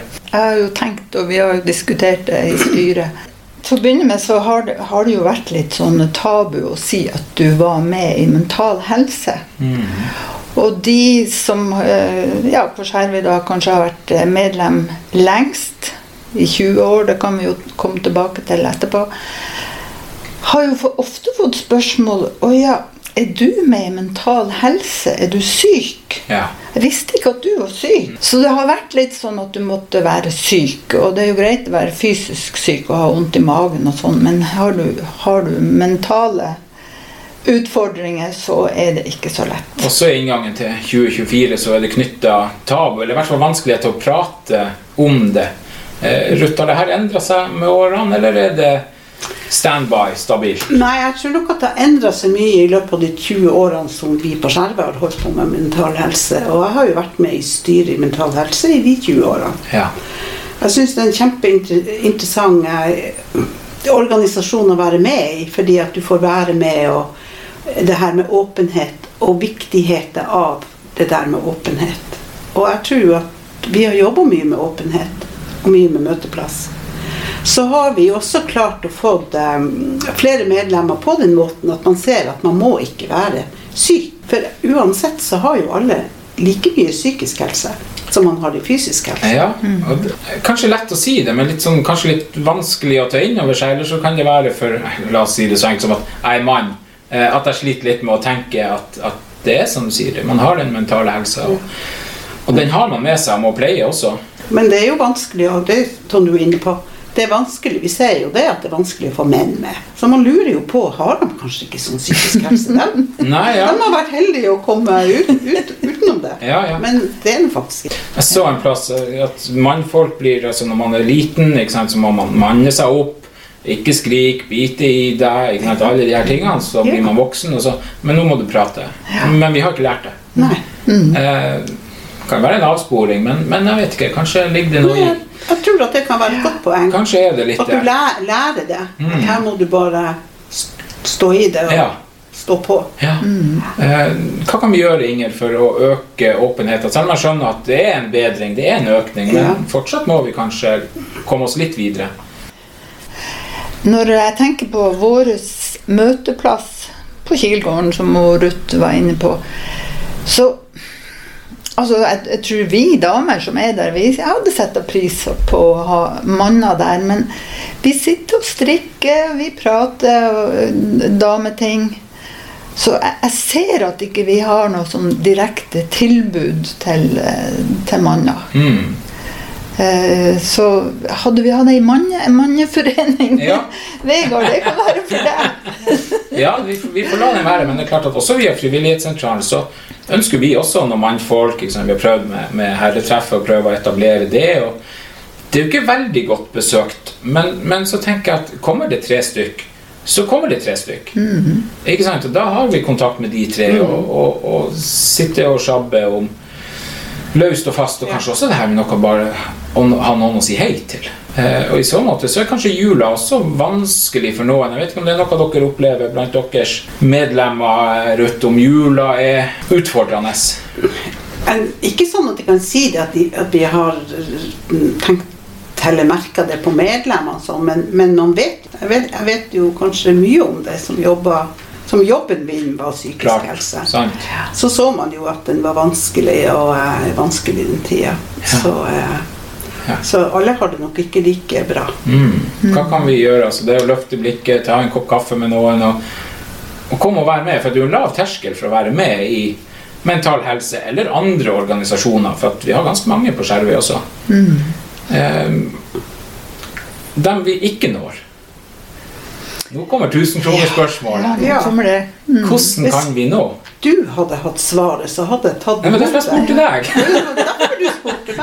Nei, jeg vet ikke. Men jeg tror jo det at det er viktig at lag og foreninger også jobber imot kommunen. Altså at man har et godt samarbeid med kommunen Mm. som gir tjenester, helsetjenester til mange. Kanskje man på den måten kunne fanga inn flere. Ikke vet jeg, men kanskje Jeg tror på det. Ja. Jeg tror det at samarbeid med frivillige og kommunen Mm. Nå er jo du kommunen på en måte, men jeg Ja. tenker med de her som eh, ja, jobber innenfor helse, kanskje innenfor skole eller ro- rustjenesten eller sånn.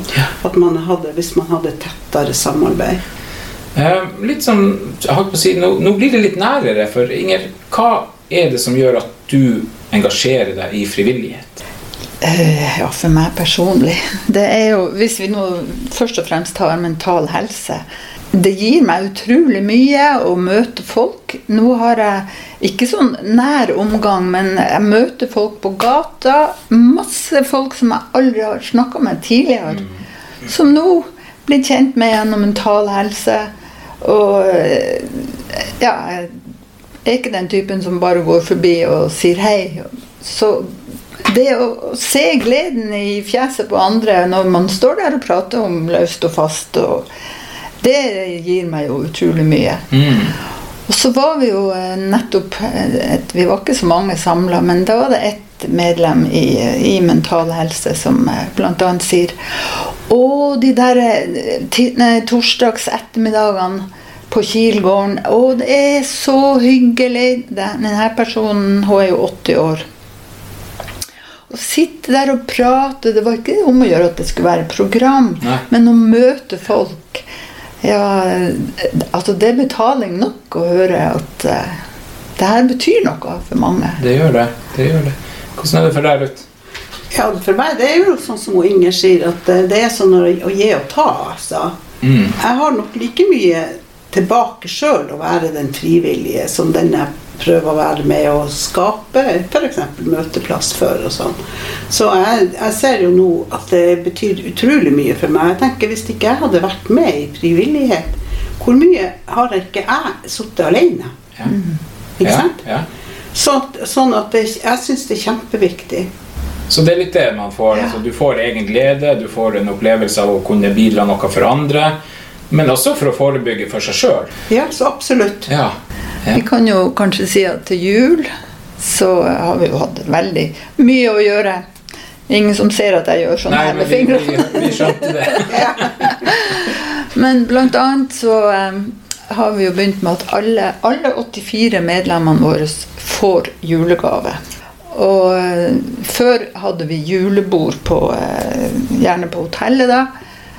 Men da kommer det jo ikke så mange. Da er det kanskje 25 som får glede av det her. Ja. Nå har vi kutta ut julebord, Ja. slik at alle 84 får Ja. julegave. Og da er det jo en egen pakkegjeng. Og så er det jo en egen gjeng som eh, kjører ut det her. Og eh, ja. Mm. Det, det gjør noe med oss å holde på Men vi har jo juleavslutning. Ja, så har Det vi juleavslutning. Vi hadde- Og det hadde vi her på Kielgården. Ja. Og det var jo 30 god stykker. Ja. Og jeg syns det er bra av 80 medlemmer Absolutt. 80 at det er 30 som møter opp. Det er godt å møtes. Ja. Ja. Det er godt å møtes. Jeg må fortelle om den julegaven, da, for i går så Vi har jo faktisk et medlem som er eh, flytta til Reisa, men hun er fortsatt eh, medlem hos oss. Og så måtte hun jo få julegaven, og jeg skulle ut til reise, fikk kontakt med henne. Og her hun er ikke av de yngste. Hva hun er 88, tror jeg. Ok, ja. Frisk og oppegående. Og jeg kommer opp der.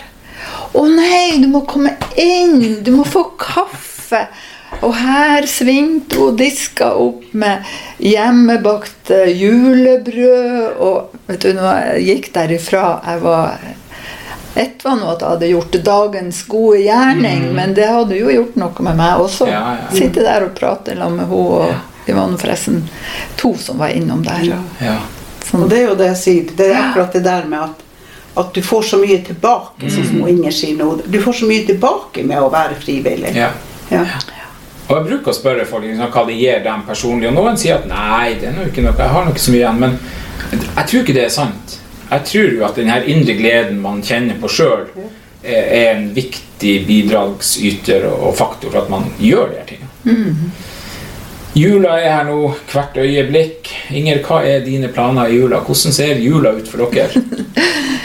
Det blir jo eh, mye trad det tradisjonelt, Ja, selvfølgelig. Det er tradisjon hos dere? Der er det bl.a. sånn at eh, mor vasker og baker. Eh, far han er veldig flink å handle og gjøre alle innkjøp, for all del. Jul, juletreet det pyntes ikke før lille Nei, det er en god tradisjon Ja. Og det gjør mor med julemusikk. Nei da, så, eh, så, ja, så får vi nå i hvert fall én sønn hjem til jul, og så får vi litt mer besøk i romjula, planen. Mm. Hvis været holder, for å si det sånn. Så nei da, det er rolig og fin tid. Ja. Mm. Ja. Enn for der ute? I år skal Jeg si, får du ungene hjem? Jeg får eh, to av tre. Ja. Ja. Jeg får eh, de sønnene mine som bor her nært. Den ene bor nå her på Skjæra, og den andre bor i Nordreisa. Så Mm. da blir vi tre. Ja. De andre som er nede i Trøndelag, de kommer ikke. Nei. Men for meg er det sånn at det er faktisk lenge siden jeg har feira jul hos meg sjøl. Okay. For jeg er den som har vært på farta. Ja. Så jeg har vært enten i Nordreisa, sønnen min der, mm. barnebarn, Ja. eller i Trøndelag. Ja. Så eh, det blir Jeg ser fram til faktisk å kunne, kunne være hjemme. Mm. Så det tenker jeg blir eh, koselig. Ja. Så, eh, sånn at, eh, så da er det sånn at eh, jeg steller mye av det her. Men han eh, ene sønnen han er sånn ribbelager, så han skal lage okay. ribba. Ja. Og så er vi bare tre personer, som jeg har sagt. Men eh, vi, den ene vil ha pinnekjøtt, Ja. og den andre vil ha ribbe. Ja. Så, så da har vi begge deler. Ja. Selv om vi bare er tre. Ja. Ja. Nei, Tradisjon er tradisjon. ja da, og ikke bare tre. Vi er tre. Ja. Ja, ikke sant? Altså, Ja, vi, ja, vi er vi er tre. Ja. Det blir så kjempetrivelig. Ja. Ja. For jeg er litt sånn der Jeg tenker én dag i året må man få det man har lyst på. Ja. Og det må være jula. ja, hvilken dag er vel bedre Ja, enn julaften? da blir det begge deler. Ja, ja. Ja. Så det blir eh, koselig. Ja. Er det noen planer for romjula? Nei, ja, det har jeg. Jeg skal gå på Rådhuskantina på juletrefest Ja. den 28. Mm. Det skal jeg gjøre. Men utover det så har jeg faktisk ikke, så det har jeg liksom kryssa av. Det må jeg huske på. Ja. For det syns jeg var kjempefint. kjempefint. Og jeg håper mange kommer. Ja. For de sier vi skal gå rundt juletreet og Så det Og så er det jo trivelig, som vi har sagt mange ganger i dag, det å møtes. Ja, det å møtes. Det å Ja. møtes ja. Og så når vi bikker 2024, hva er Mental Helse sine tanker om kommende år? Ja, da har Mental Helse 20-årsjubileum. Ja. Mm. Så eh, vi starter jo ganske tidlig i januar med styremøte. Og de siste julekakene selvfølgelig skal Ja. spises da. Og så skal vi planlegge Selvfølgelig årsmøtet er jo det første som må opp, og så er det jubileet. Mm. Og jeg skal ikke røpe noe, men vi håper vi får til noe som, eh, der vi virkelig kan vises i lokalsamfunnet. Vi, vi får komme godt tilbake til det. Ja, det satser vi på. Inger og Ruth, tusen hjertelig takk for at dere ville gjeste oss i dag, og så må jeg ønske dere ei riktig gledelig jul. Takk i like måte. Velsigna du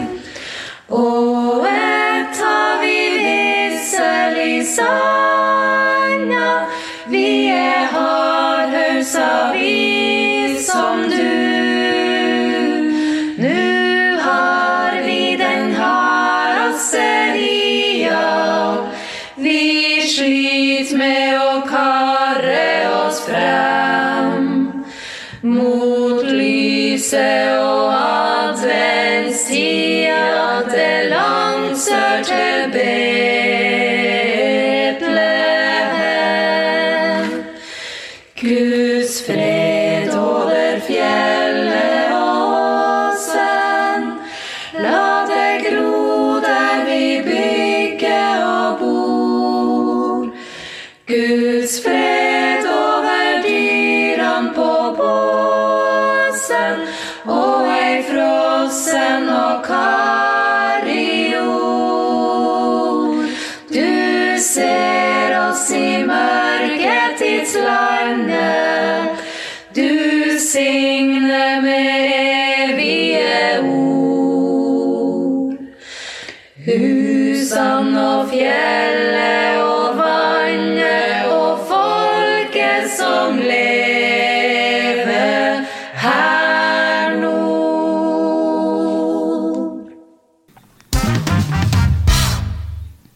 Ønsker å sende ei god jul og et godt nytt år til Sindre Hofsøy Molland, Kristina Sandnes Johansen, Sigurd og Emilie Sandnes Molland, samt alle venner og bekjente.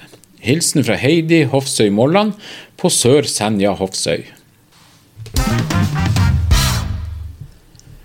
Ønsker å sende en julehilsen til Synnøve, Bendik, Haldis, våre søsken med familier, til Jenny Marie og Stefan pluss de fire barna. Hilse til venner og bekjente. Hilsen Elisabeth og Walter på Havgård på Hamneidet. En lille hilsen fra Håkon i Rødorve, Danmark. En julehilsen til familie, venner og jaktkompiser. Gleder meg til neste gang vi ses på Skjervøy. Hilsen Håkon Nilsen. Ønsker å sende en eh, julehilsen til Karina, Karianne, Line, Olaug, Lill Hege, Siv, og en spesiell hilsen til Jorunn som blir 50 år første juledag. Vil også hilse til mine to søstre, hun Heidi og hun Oddveig. Til slutt vil jeg ønske alle sammen ei riktig god jul. Stor klem fra hun Perlemor. Ønsker å hilse til hun mamma og han pappa, Elisabeth og han Walter. Og si at det alltid er en stor glede å få lov å komme hjem og feire jul med kjente og kjære tradisjoner. Vil også ønske alle kjente og kjære ei riktig god jul. Hilsen Cecilie og Olav. Hei, så flott at dere lager denne sendinga. Vil sende en julehilsen til Tor Helge, Nina med familie, Beate med familie, Helene og Vegard med familie, Elisabeth og Frode med familie, Karina og Roald med familie, Ingunn og Hans Henrik med familie, Solveig og Svein med familie, Randi og Gøran med familie, Jannike og Roar med familie, Aud Karin og Arnt Hugo med familie, Silvia med familie, Tordis med familie, Mailen med familie, Kariann med familie, Alexander med familie, Jostin med familie, Elisabeth Henriksen med familie, Marianne Birkelund, Trond Haagensen med familie, Harald Sjøblom med familie, Magnus Olsen med familie, tante Asbjørg, tante Grete og onkel Per, alle ansatte på Skjervøy barneskole, alle lærere og elever på Fisk og fangst. Alle foreldre og elever i 5B, og ellers alle kjente rundt omkring. God jul og godt nytt år. Julehilsen fra Solveig, Jan, Patrick og Johannes. Patrick sender også en ekstra hilsen til Kajsa, Odin Marelius, Samuel, Sebastian, Benjamin, Jørgen, Theodor, Erin, Maria, Ida, Emilie og Lea. Lars Vegard, vi hørte jo akkurat representanter for Mental Helse, og det er en organisasjon som du kjenner. Ja. Fortell om det. Jeg sitter i eh, styret til Mental Helse i Tromsø og har gjort det de siste to årene. Eh, grunnen til det er jo veldig eh, eh, Det er ikke noe at jeg sjøl har eh, har direkte eh, hatt behov for, for det, heldigvis. Eh, men mye pga. det som skjedde under korona. Eh, den tida så jobba jeg som sagt på Scandic Alta. I tillegg så kjørte jeg taxi opp i Alta.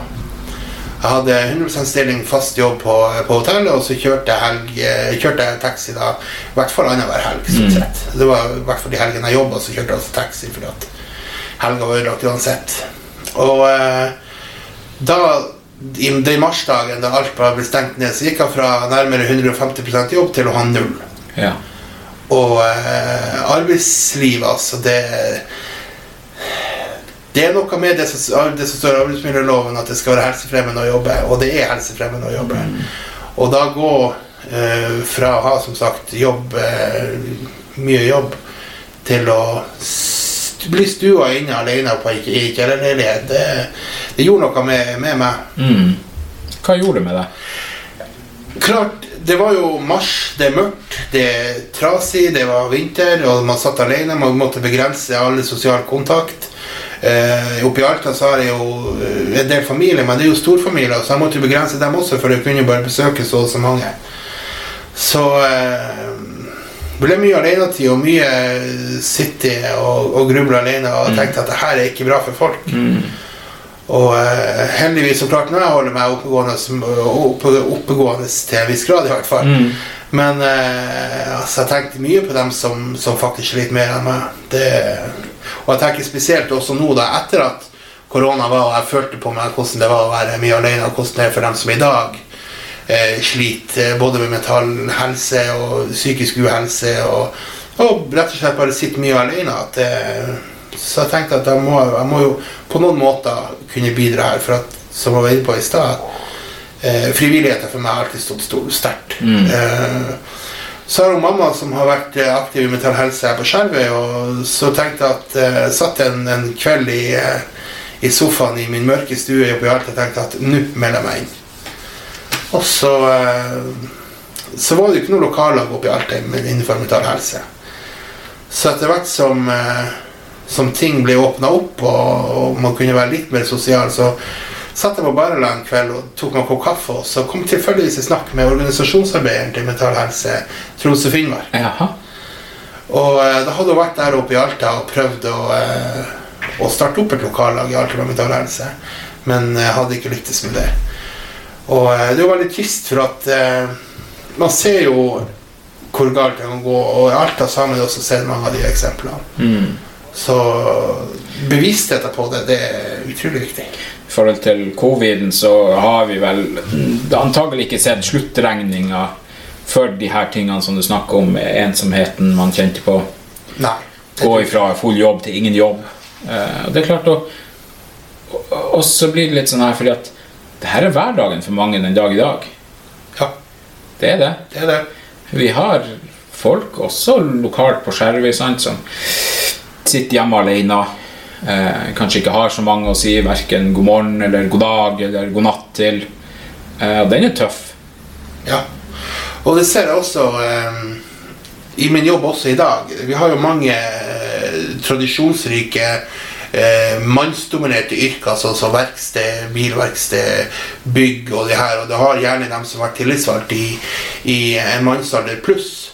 Uh, som eh, mener det at det meste av uh, mentale problemer Eller snakk sånn kan man bare gjøre over en flaske med alkohol.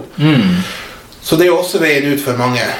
Uh, Det er jo ikke den rette veien ut, vil ikke jeg si. Men, men vi hadde et kurs for noen bilmekanikere en gang, og da eh, satte litt ekstra spor på meg. For at vi snakka med en av de som var tillitsvalgt i 30 år på bedriften. Og eh, når vi begynte å prate om dette, her, så er det veldig sånn her at ja, nei da, det var nok sånn og sånn. Men etter hvert som vi prata mer og mer, så kom det frem historier. De hadde hatt ansatte der som, som eh, det lille at vi ses i morgen liksom, på jobb, Mm. det hadde det som hadde holdt oppe enkelte av sine kollegaer. Og, og det er så viktig, de her små Vi, vi tror at det er helt ubetydelig, men for mange så er den her 'vi ses i morgen' ja. utrolig viktig. Det er livet verdt. Ja, og eh, så har jeg erfart selv også i forhold til de her aktivitetene vi har, og vi er samarbeidspartnere på det her med å Så fint å se deg. Jeg håper jeg ser deg neste gang. Så fint at du kom. Eller jeg savna deg sist. Ja. Altså de tingene hvor mye det kan bety for noen. Ja. Mm. Altså for, for, for oss som er heldige, som ikke har de utfordringene og de plagene eh, Vi tenker ikke over det. Vi tar det for gitt. Men, eh, men ja. Det, det er noen korte, eh, veldig viktige setninger å bruke. Mm. Nå når vi for alvor, alvor går inn i, i julenatta, Lars Vegard, hva er planene vi har snakka om julaften? Hva er planene for romjula, nyttårsaften? Eh, Hvilke planer har du nå fremover? Nei, det blir rolig. Jeg har eh, sagt ja til å ha hjemmekontor og være tilgjengelig på jobb i de tre dagene i romjula, så jeg skal nå jobbe litt. Men eh, hvor og, og Heldigvis er det sånn jobb i dag at jeg, jeg må ikke stå ved gryta for å gjøre en jobb som jeg måtte før. Eh, så jeg kan ha hjemmekontor eh, litt sånn fritt. Og det er jo litt roligere i jula også, så da er det ikke så mye som, som står på, forhåpentligvis. Mm. Men klart vi ser jo det er en konkursbølge nå som, eh, som rår over oss, så det kan, man vet jo aldri hva som skjer. Men i utgangspunktet så blir det hjemme hos mamma, og selvfølgelig besøker slekt der hvor jeg har slekt. Og det blir noe I Nord-Troms så, så får jeg se om jeg tar en tur til Alta i romjula også. Mm. Jeg håper jo, Lars Vegard, eh, virkelig både med ditt lokalengasjement og alt som du, som du er, at du en gang tar bagen med deg og flytter hjem igjen. Ja, det er jo som jeg har sagt, det er jo absolutt noe som jeg har lyst til. Og eh, jeg er jo aktiv veldig aktiv i fagbevegelsen i og med at det er min jobb, men samtidig så er jeg, så jeg rundt på en del konferanser. Og så hadde vi på regionskonferansen til LO Finnmark eh, tidligere i høst eh, Tom Høgli fra Arctic Tours of Norway innom og prata om, eh, om det her med bolyst, skape engasjement, frivillighet på små plasser. Og liksom, og det her, og hver gang jeg hører han eller han Stein Arnold i LO prate om det her, så får jeg så himla hjem- hjemlengsel. Altså. Da har jeg bare å flytte hjem. Vegard, tusen hjertelig takk for at du ble med på det her i dag. Eh, så ønsker jeg deg eh, gledelig jul eh, og godt nyttår. Takk eh, for at jeg fikk være med, Vegard. Og takk for at du tar initiativ til å lage en sånn her sending. Det, for oss skjermværinger så er det utrolig godt, du, godt eh, likt. Eh, vil jeg samtidig benytte muligheten min til å sende en julehilsen til alle mine kjente. Og, og kjære, Jeg skal ikke begynne å ramse opp alle, for da blir jeg sittende her helt til over julaften. Men, men eh, alle kjente og kjære, god jul og godt nyttår. Birgit Paulsen, hjertelig velkommen til podkasten Lyden av Skjervøy og lille julaftensendinga vår. Tusen takk. Birgit, du er leder i foreninga Leonard Seppalas venner. Ja. Og nå har jeg registrert etter sist kommunestyremøte at det er bevilga en del penger som jeg tipper du jubler over. Ja, klart. Fortell. Og det er jo ikke Leonor Seplas venner det er bevilga til. Men den statuen som vi etter hvert har fått reist pengene til Kunstnerne er i gang med å lage statuen. Litt forsinka, vel. Men den parken som den skal reises i, den må det gjøres noe med. Og det er de pengene som er bevilga. 1,6 millioner i forrige eh, kommunestyre. Så skal det da eh, jobbes videre, sånn at man får eh, alle tallene på plass. Ja. Hva blir det å koste? Ja. Det blir en vakker, eh, nydelig park. Kan du som vi fortelle alle- litt om planene for parken? altså Ja. altså- litt for oss. Ja, der skal selvfølgelig det hun ønska i mange, mange år, et atrium. Altså et område som blir flatta, eh, som er tilgjengelig for alle i alle aldre, uansett om du kommer med bare stokken, eller du kommer med, med rullestol, eller eh, hva. Eh, et åpent område og med tribuner rundt, sånn trappetrinns, steinformasjoner. Eh, og på den ene ut av de steinformasjonene, der skal jo den statuen stå veldig godt synlig. Det har jo heta Seppelaparken siden 1992. Og endelig så kommer det et eh, synlig eh, bevis for hvorfor den heter det. Det her er jo eh, Det er jo et prosjekt som du har jobba med lenge. Ja. Kan du fortelle om hvordan det starta? Oi, skal vi gå så Husker du hvordan det starta? ja, altså Det starta med at eh, selve det statueprosjektet det starta vi å søke. Unni Amalie Hvitt og jeg i Jeg tror det var i 2013. Men jeg hadde jo eh, jeg starta opp med Midt i været i 2007, så hadde jeg fått låne eh, kjøreklærne, eh, sleden, gullvaskepanna fra Utvandrermuseet på Hamar i samarbeid med Nord-Troms museum og Skjevi kommune. Så den var jo der ei stund. Og altså, historia ligger jo der. Seplagården lå attmed. Eh, Evensen-gården har forvalta Seppelagården, og de har gode venner. Så etter hvert som man har eh, bodd her, så har man jo fått vite mer og mer. Og da at Søppelparken står der som en grønn lunge, fantastisk, men veldig utilgjengelig for mange. Det har vært så mange år med litt og litt. Vi fikk ei bok, 750 bøker fra Askøy forlag og forfatteren eh, Roy Andersen. Til eh, å kunne bruke til det prosjektet. Så solgte vi det. Fikk på plass et forprosjekt. Kommunen bidro med 50 000. Vi fikk en kunstner. Det var Bernt Snorre Ja. eh, Johansen som sa til oss, for han hadde hatt han som lærer i Oslo så at dere må, Han må dere ta kontakt med. Han er kjempedyktig. Og det er vi superglade for. Ja. For han er en av de klassisk store, fantastiske eh, billedhuggerne. eh, Hvor du ser hva det er for noe. Mhm. For vi visste at vi får ikke noe midler fra noen hvis det er et eller annet som ligner på at du må bruke alle sansene for Ja, å stå og tolke og leke. Ja, ja, ja.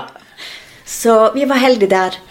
Eh, Han sa ja med en gang han hadde lest en del og okay. fått en del eh, stoff om det. Og så i 2018 fikk vi vite at eh, Disney lager film. Eh, Togo. Eh, The Untold True Story. Mm. Eh, og det er vi utrolig glad for. For det ble jo Balto, lederhunden, som kom i mål etter den serumstafetten. Eh, som ble gjort til eh, Som det ble laga statuer av og sånn. I, eh, som den dag i dag står i Central Park i New York. Ja. Eh, men det har vært stor misnøye blant hundekjørere, folk i Alaska, hvor det er det er deres nasjonalsport. De vet hvordan historien var. Og Balto, fantastisk. Gunnar Kåsen fra Kvænangen gjorde en eh, kjempejobb. De var, ute i 20 timer i fryktelig storm.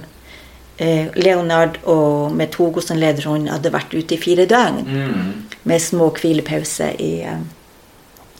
Så det er utrolig artig at det bildet som kommer opp etter at Togo er ferdig på den filmen, det er det bildet som jeg har hatt i årevis som øverste bilde i min butikk. Ja.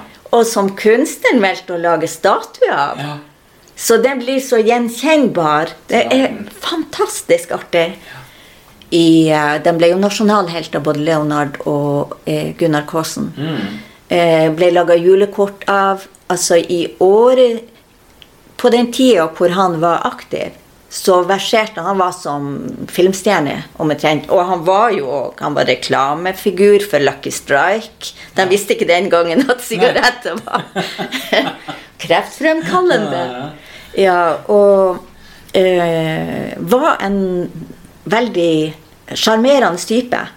Ei søster av en gammel skjerveværing som bor borte i USA. Hun hadde sagt til broren at nå i denne tida hvor Disney eh, bestemte seg for å lage film, og det var i forbindelse med at de skulle lage sin egen streamingkanal, Disney Pluss, Ja. så ble den en av, eh, en av filmene. Eh, og hun sa det var så ofte i media om denne eh, historien. Det her er noen få år tilbake. Den har vært kjempepopulær film Ikke minst på grunn av jeg har jo sett den 15 ganger. med diverse. Først på engelsk, også. Okay. Med ja. barn og barnebarn og venner. Og, ja, så eh, Og fantastisk skuespiller i den. Han ligner på Leonard Zeppala. Er Oscar-nominert skuespiller, William Dafoe.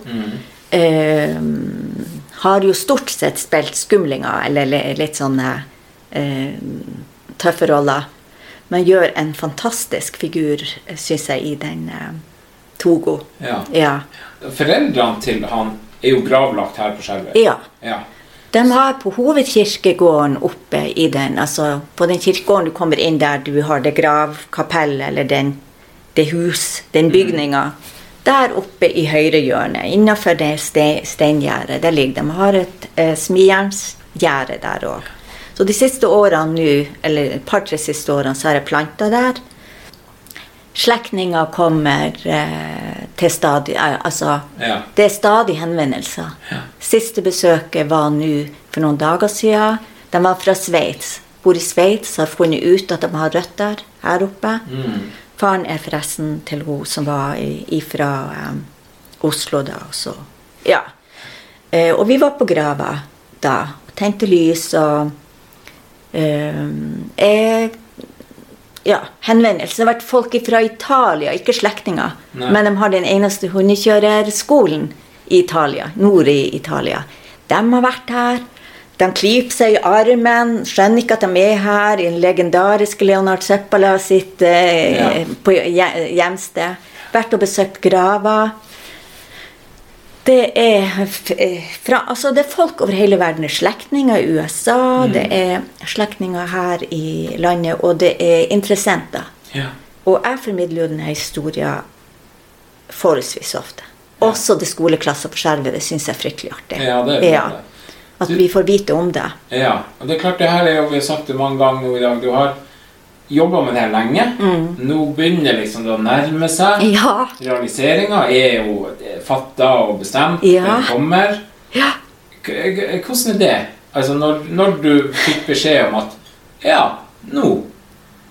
Vet du, vi hadde jo Først var det jo en million det var snakk om. Og hadde fått en million på plass med de 600 000. Men så eh, har det jo vært en prisstigning Ja. siden vi skrev avtalen med kunstneren. Så plutselig så var det eh, litt over 100 000, eh, eller nærmere, eh, nærmere 200 000. Med både sokkel og prisstigning og sånn. Og så begynte jeg på ei, en spleis, eller begynte å jobbe med det. Og jeg må bare si, jeg hadde så lite lyst. ja, det, Ja. det åh, ja. Mista, mista motet litt? eller? no, jeg kjente, kjente liksom at jeg har jobba nok med det her. Ja. Så, eh, så kommer det en mail i denne spleistida ifra han eh, Torvald Gjæver. Ja. Eh, leder, styreleder eller daglig leder i eh, Fiskeprodusentenes fond. Så skriver han noen ord, og så eh, sier han et eller annet med at hva du sier om at vi bevilger en liten skjerv på 100 000. Jeg vet du, det var så fantastisk. For det er den første henvendelsen fra noen som sjøl har tatt kontakt. Ja. Og vil uten at jeg har sendt, ringt, sendt søknader, purra på. Åh, vet du, Det var helt fantastisk. Og de har faktisk til sammen gitt 300 000 nå. Det er ikke lenge siden de bestemte det at eh, de skulle gi 50 000 også til den åpninga. Som Den avdukinga må jo være en, eh, en flott seanse. Mm. Ja, hendelse. Så um, vi skal begynne å uh, jobbe etter jul. Jeg skal ta noen kontakter hvor man kan begynne å jobbe med den åpningsseremonien. Mm. I 2024? 2024. Det var Eller eh, skulle være siste frist 1. februar i 2024. Men han har hatt betennelse i skulder, han er litt forsinka både med den og Petter Dass-statuen. Så det blir høst før den er. Men da er det nå i god tid før 100-årsjubileet, som er i januar-februar i 2025. Mm. Da er det 100 år siden det her serumsstafetten.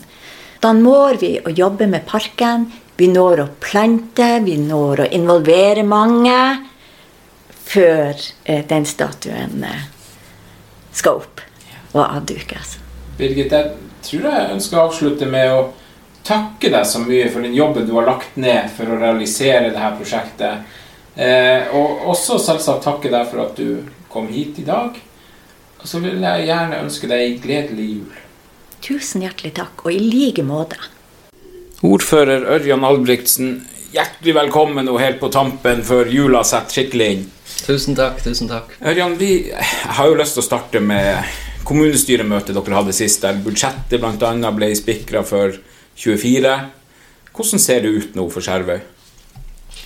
Mye ser jo veldig bra ut for Skjervøy. Det er jo ingen tvil om at eh, langsiktig tverrpolitisk satsing på havbruksnæringa og tilrettelegging har gjort at vi har fått inn masse midler som gjør at vi er i stand til å, å gjøre grep som få andre kommuner egentlig kan. Mm. Så det her budsjettet, det er, det er jo spesielt. Og det er jo hvis vi skal tenke at vi skal være litt nøkterne, så er det jo litt skremmende at det er fire år til valg.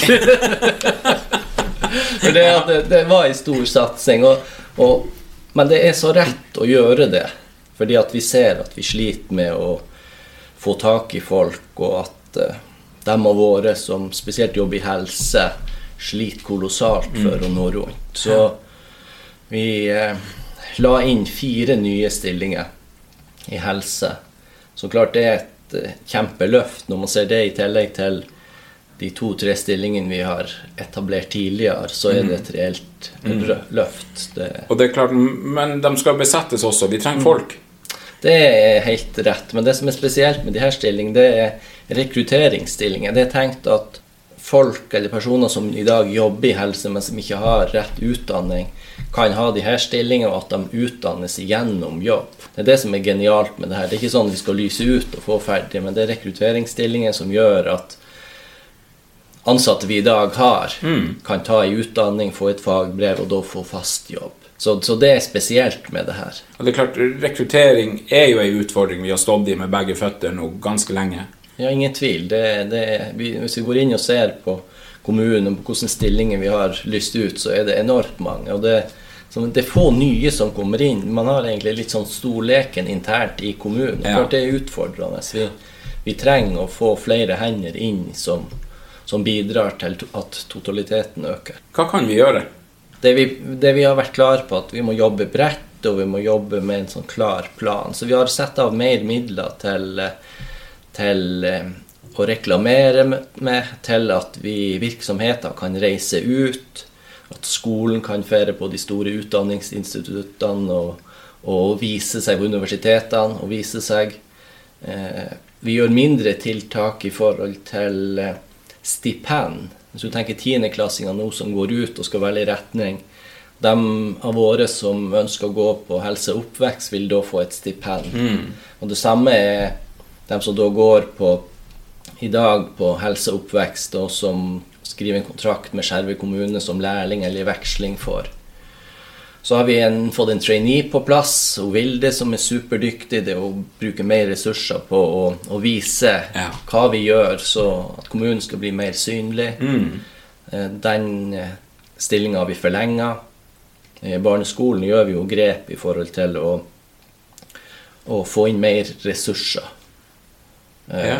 Og det tror jeg er, det er helt rett å gjøre i den situasjonen som, som Så blant annet så oppne- opprettes det en stilling som eh, sosiallærer, var kanskje betegnelsen på den. Mm. Hva ønsker man med den?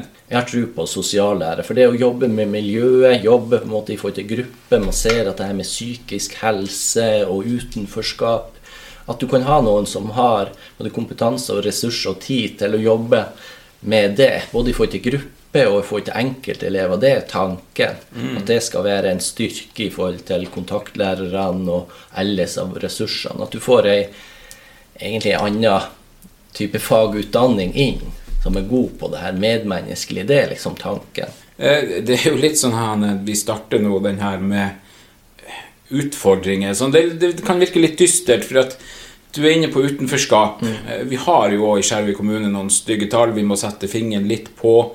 Eh, i forhold til at vi har ganske mange unge voksne som står utafor nesten alt.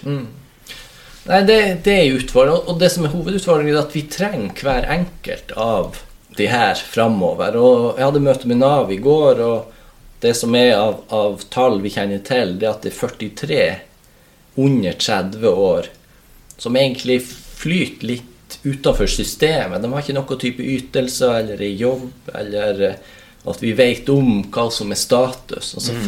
43 av våre beste unge, ungdommer eller unge, unge voksne eh, som er helt utenfor. Og, og klart det er utfordrende. fordi at det ene er jo det her at det er jo ikke bra å, å, å være utenfor. Eh, Og det er i hvert fall ikke bra på lang sikt. Men vi trengs oppriktig hver enkelt av de her framover, fordi at vi sliter sånn med å få nok folk. Så uh, ut ifra de pratene vi har med, med Nav, så er de òg helt klare på at de ønsker å være mer synlige. Det skal være lett å ta kontakt. Og det vil jeg oppfordre òg også foreldrene i forhold til, til de her. At, at det å ta kontakt for å få hjelp Vi i kommunen kan hjelpe, det å få et steg. Og det at For vi trenger de her unge sårt framover. Vi snur litt, Ørjan. Vi har vært innom litt utfordringer, vi har vært innom litt eh, ja, ting som kan være litt vanskelig. Hvor ser det lyst ut nå for Skjervøy kommune? Det ser jo, jeg har lyst til det ser jo lyst ut innenfor mange sektorer. og Det er ingen tvil innenfor det vi snakker om nå, helse, skole, så har vi noen fantastiske ansatte som virkelig gjør en enorm jobb. Og Skjervøy er jo en sær situasjon at vi har et veldig stort privat næringsliv. Det, det er en kultur for å skape arbeidsplasser på Skjervøy. Det, det, og det går i generasjoner. Det er jo kanskje vanskelig å trekke fram enkeltbedrifter, men det gjør det noe uansett. Gjør det, gjør det. Og jeg tenker at Arne Laks, som nå til neste år har 40-årsjubileum det den, den jobben han Geir, han Tor og han Reidar nå som er gått bort, har gjort, det å bygge lokalsamfunn, ta et samfunnsansvar, kanskje utover det man kan forvente, være med å bygge lokalsamfunn, skape arbeidsplasser. Man kunne ha solgt unna vært full av penger. Men det ønsker man ikke. Man ønsker å være med å skape noe. Skape aktivitet, attraktive arbeidsplasser. Klart, det, For en kommune så er jo det avgjørende. Og det har vi jo flere eksempel på. Jeg var med i dåp til Arne Tind. Svein Roger og Jan Kjetil som har fått nye Arne Tind. En fantastisk båt. Og det å se hvordan man ønsker å jobbe og skape noe og stå på De kunne òg ha solgt seg ut og vært fulle av penger, men det å ønske å være med og tenke nytt, og ikke minst det å se alle de unge som trekkes om bord altså For en Mm, fantastisk rekruttering. Og det tror jeg òg at de, de har et sterkt eh, eh, Altså det de har gjort, har vært utrolig viktig for fiskerinæringa. For det at du har fått visst unge det her potensialet. Og det vi ser nå, er jo at eh, unge som har tatt fiskeriutdanning, kjøper egen sjark. Vi har to eh, relativt unge, eller relativt, de er veldig unge. Han Eirik Johan og, og Jonar fra Orvik som har tatt steget og fått hjelpende hånd fra kommunen, men har kjøpt egen båt. Ja, det er tøft. Altså bli egen bedriftseier. Ja, Nei, så det, det er tøft. Og vi Mm. ser at det er mulig. Og så ønsker vi ikke å snakke ned de regionale og nasjonale, sånn som Lerøy og Movi og Eidsfjord. De er utrolig viktige, og ikke minst Moen nå, som kommer inn i lag med Helge Olsen på Sandøra. Altså den miksen mellom lokal og nasjonal er, er utrolig bra. Og det er klart også i disse tider med, med jul, for jeg har jo lyst til å trekke fram dem vi, vi ser når vi går igjennom verre. Sant? Det er jo Ann-Kristin og Harriet er nå der av og til enda, og har vært der i masse år med den butikken. Han Kurt og Beril på bokhandelen, eh, Elon eller Elektro da, som har vært her i masse år, Sporten. At vi har de her også små bedriftene som er viktige for oss på Skjervøy og som har vært der i masse år. Eh, og det, det slår meg når jeg går igjennom. Ja, vi nevner de her med Lerøy som har hundrevis av ansatte, og, og så vet vi at den ene ansatte på en av de bedriftene jeg også nevner her, er, er minst like viktig for oss. Nei, det, det er kjempefint at du trekker fram det, og det, det er viktig. Vi har altså den her eh, den bredden. Det er ingen tvil om at Skjervøy med verre er spesielt. Mm. Så det å ha de her nisjebutikkene, butikker som egentlig helt i grenseland på livets rett, Ja. men du har eiere som virkelig har lyst til å stå på, og man ser nå at eh, det at vi blir mer attraktive i forhold til kvalen, turister, det er mer aktivitet. Så det er viktig. Men så ser man jo òg at det, det kommer noen flere lys i verre. Jeg ser at eh, Susanne og Øystein, som har flytta inn i en reiselivsbedrift, skaper aktivitet i været. Fantastisk. Du har flere litt mindre bedrifter nå som har etablert seg inn i alt fra negler og øyevipper Ja da, ja da. til Og det, det er ikke sånn for å, å, å glemme noe når jeg trekker frem de her jeg gjorde. Det var noe eh, Men at vi også tenker på at vi trenger dem. Det det er kjempeviktig. Og, og det å handle lokalt og bruke de bedriftene er kjempeviktig. Det brenner jeg for. Og så må vi kanskje òg se på hvordan for utfordringer i forhold til kommunen. For mange peker på kommunen må bruke mer de lokale. Og jeg gjør hva jeg kan. Men klart det er et innkjøpsregelverk som man må forholde seg til. Men det er muligheter gjennom det her offentlige anskaffelser til å både dele opp, men det krever mye mer av Mm, oss. mm. Og det, det med innkjøp er ganske stort. Store kommuner har egen innkjøpsavdeling, de vet hva som er mulighet innenfor. Mens vi har er mye mer sårbar. Vi har jo en regional stilling. Men klart det, det med Skal vi på en måte kunne splitte opp kontrakter, bruke mer de lokale, så er vi nødt til å ha mer eh, mer folk inn på det med innkjøp, For det er et komplekst regelverk. Så det har jeg lyst til å ta tak i, men det er ikke noe quick fix heller på det.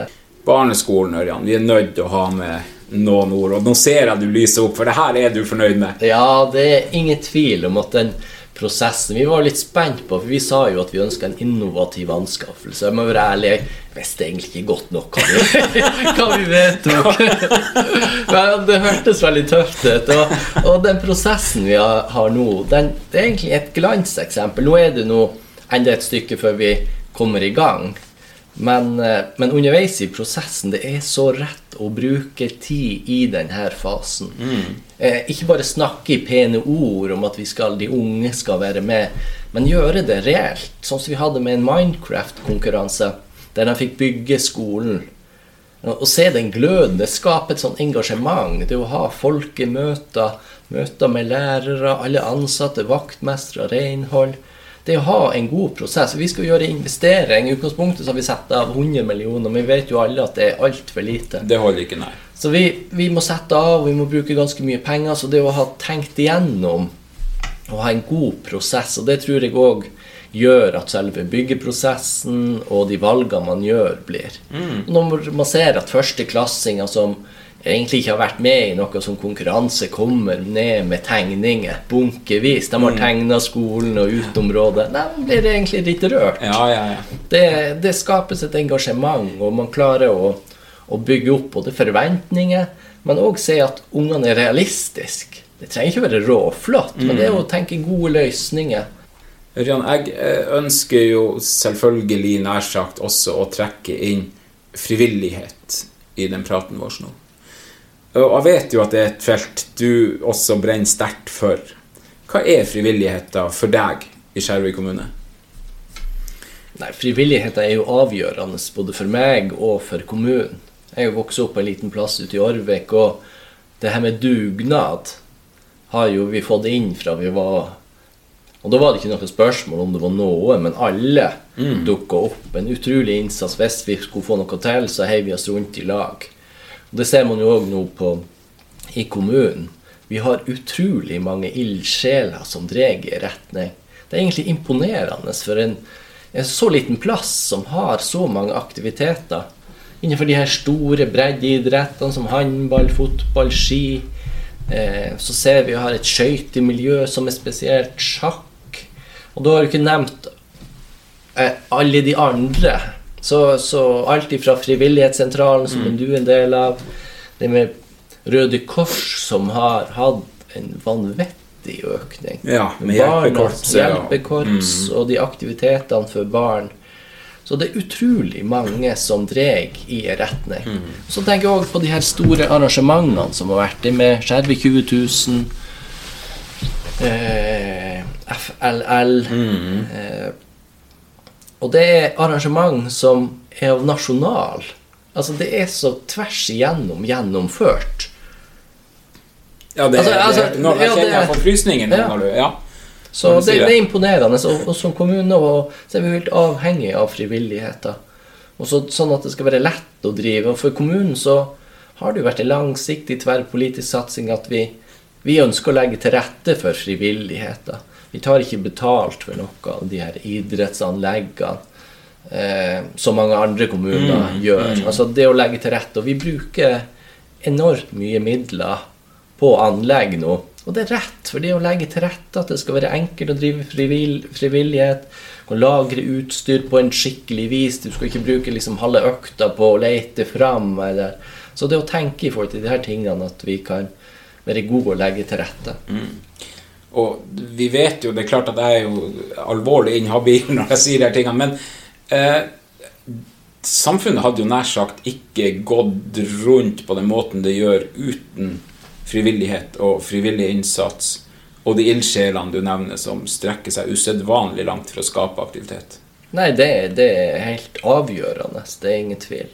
Mange, mange som virkelig legger ned enormt mye av sin fritid. Mm. Av sin egen fritid til å skape aktivitet og en bedre hverdag for andre. Så klart, det, det er man avgjørende. Så er det òg innenfor det med psykisk helse, mental helse, som en frivillig forening som legger med, ned mye arbeid i forhold til å skape møtepunkt og treffpunkt.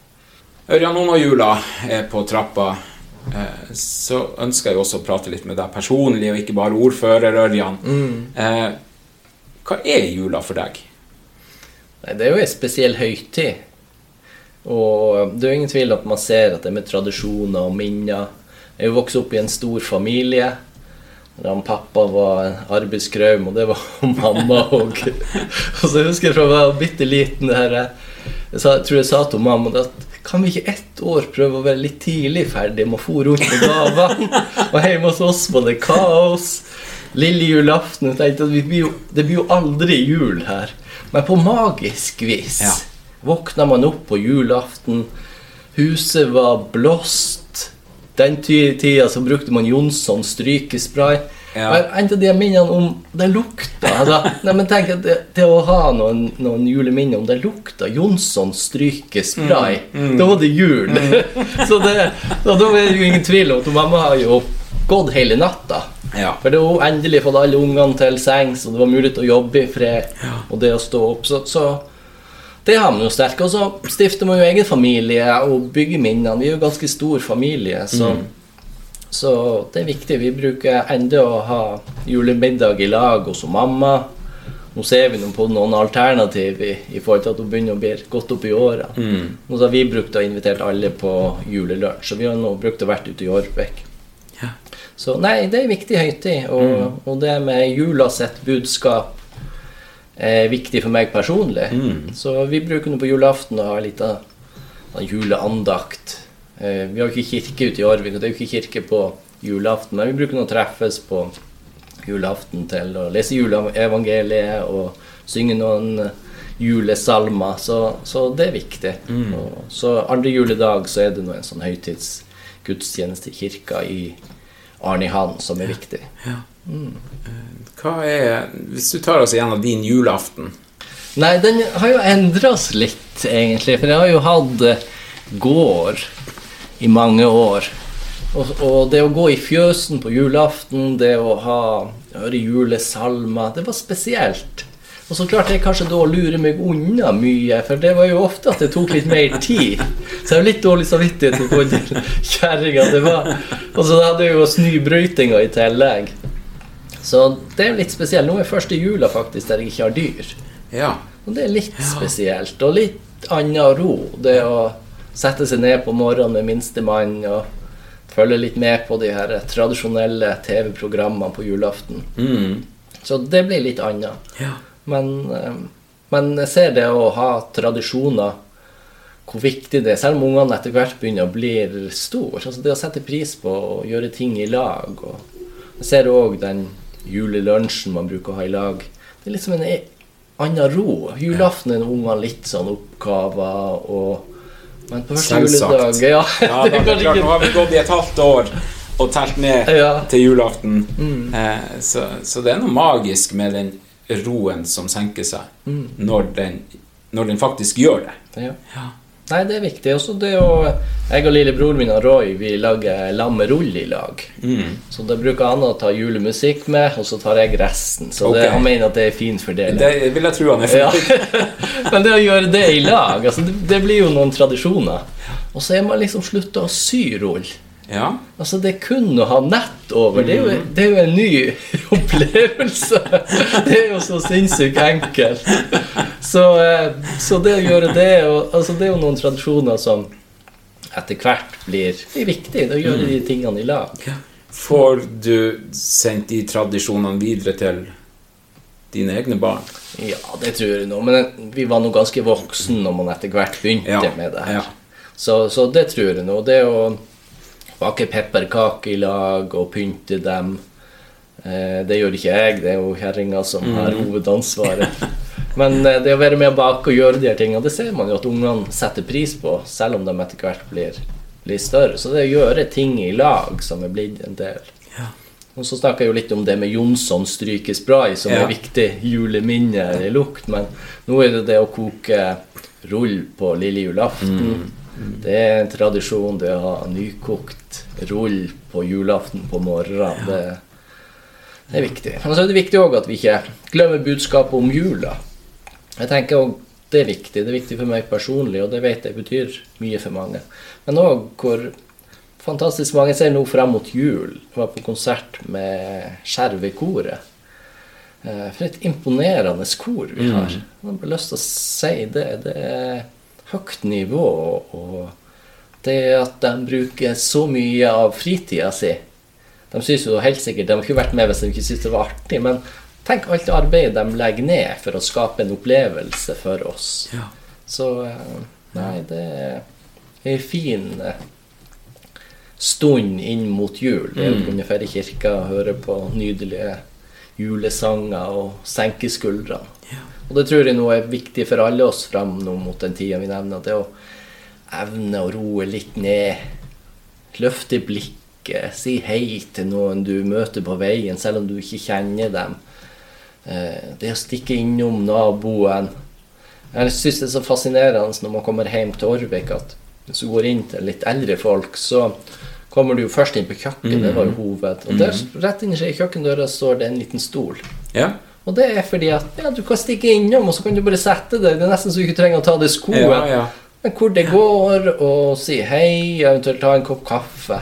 Ja. Så det er så mange som sitter alene. Så det at vi kan bruke litt mer tid til, til å stikke inn Mm. innom. Mm. Jeg syns jo òg at det er en viktig Det er jo òg en tradisjon, det å stikke innom uten å bli bedt. Ja. Selv om man merker at det begynner etter hvert òg å bli en bøyg. Men det å fære innom, spesielt eldre folk, og bare si hei, høre hvor det går. ja. Ta en kopp kaffe. Ta en kopp kaffe Mm, uten at man trenger å gjøre så mye omkring det. Det er viktig. Så det å, det å se hverandre i en sånn hektisk Mm. Koble ut litt sosiale medier og Facebook og har du behov for å lire av deg noe, gå heller en tur, eller stikk innom. Ja. Det er så mange som trenger på en måte å, å bli sett, og at det er noen som stikker innom. Så det skal i hvert fall jeg prøve å ha Mm. en sånn her eh, nyttårsforsett. Jeg bruker altfor mye tid på den eh, telefonen. Vi kan godt legge vekk telefonen litt, ja, og se litt til, holdt på å si, til naboen. Mm. Ta en kopp kaffe. Eh, jeg tenker, Ørjan, at det der er det vi tar med oss inn i jula nå. At vi tenker på de her tingene. Og så må jeg ønske deg ei riktig gledelig jul, deg og din familie.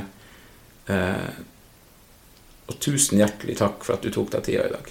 Takk skal du ha. Jeg ønsker deg.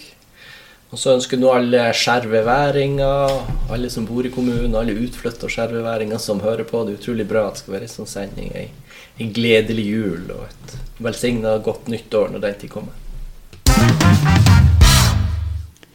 Og med de ordene fra Ørjan så er vi nok kommet dit hen. Naturlig nok enda et steg nærmere julaften. Eh, vi ønsker å takke for at dere har valgt å høre på denne podkasten nå i innspurten inn mot julaften. Jeg ønsker å takke alle som har stilt opp som gjester. Jeg ønsker å takke Lars Vegard, som har stilt opp som en, en form for medprogramleder. Jeg ønsker også som eh, leder av Frivillighetssentralen, så ønsker jeg alle dere lyttere ei riktig gledelig jul og et godt nytt år.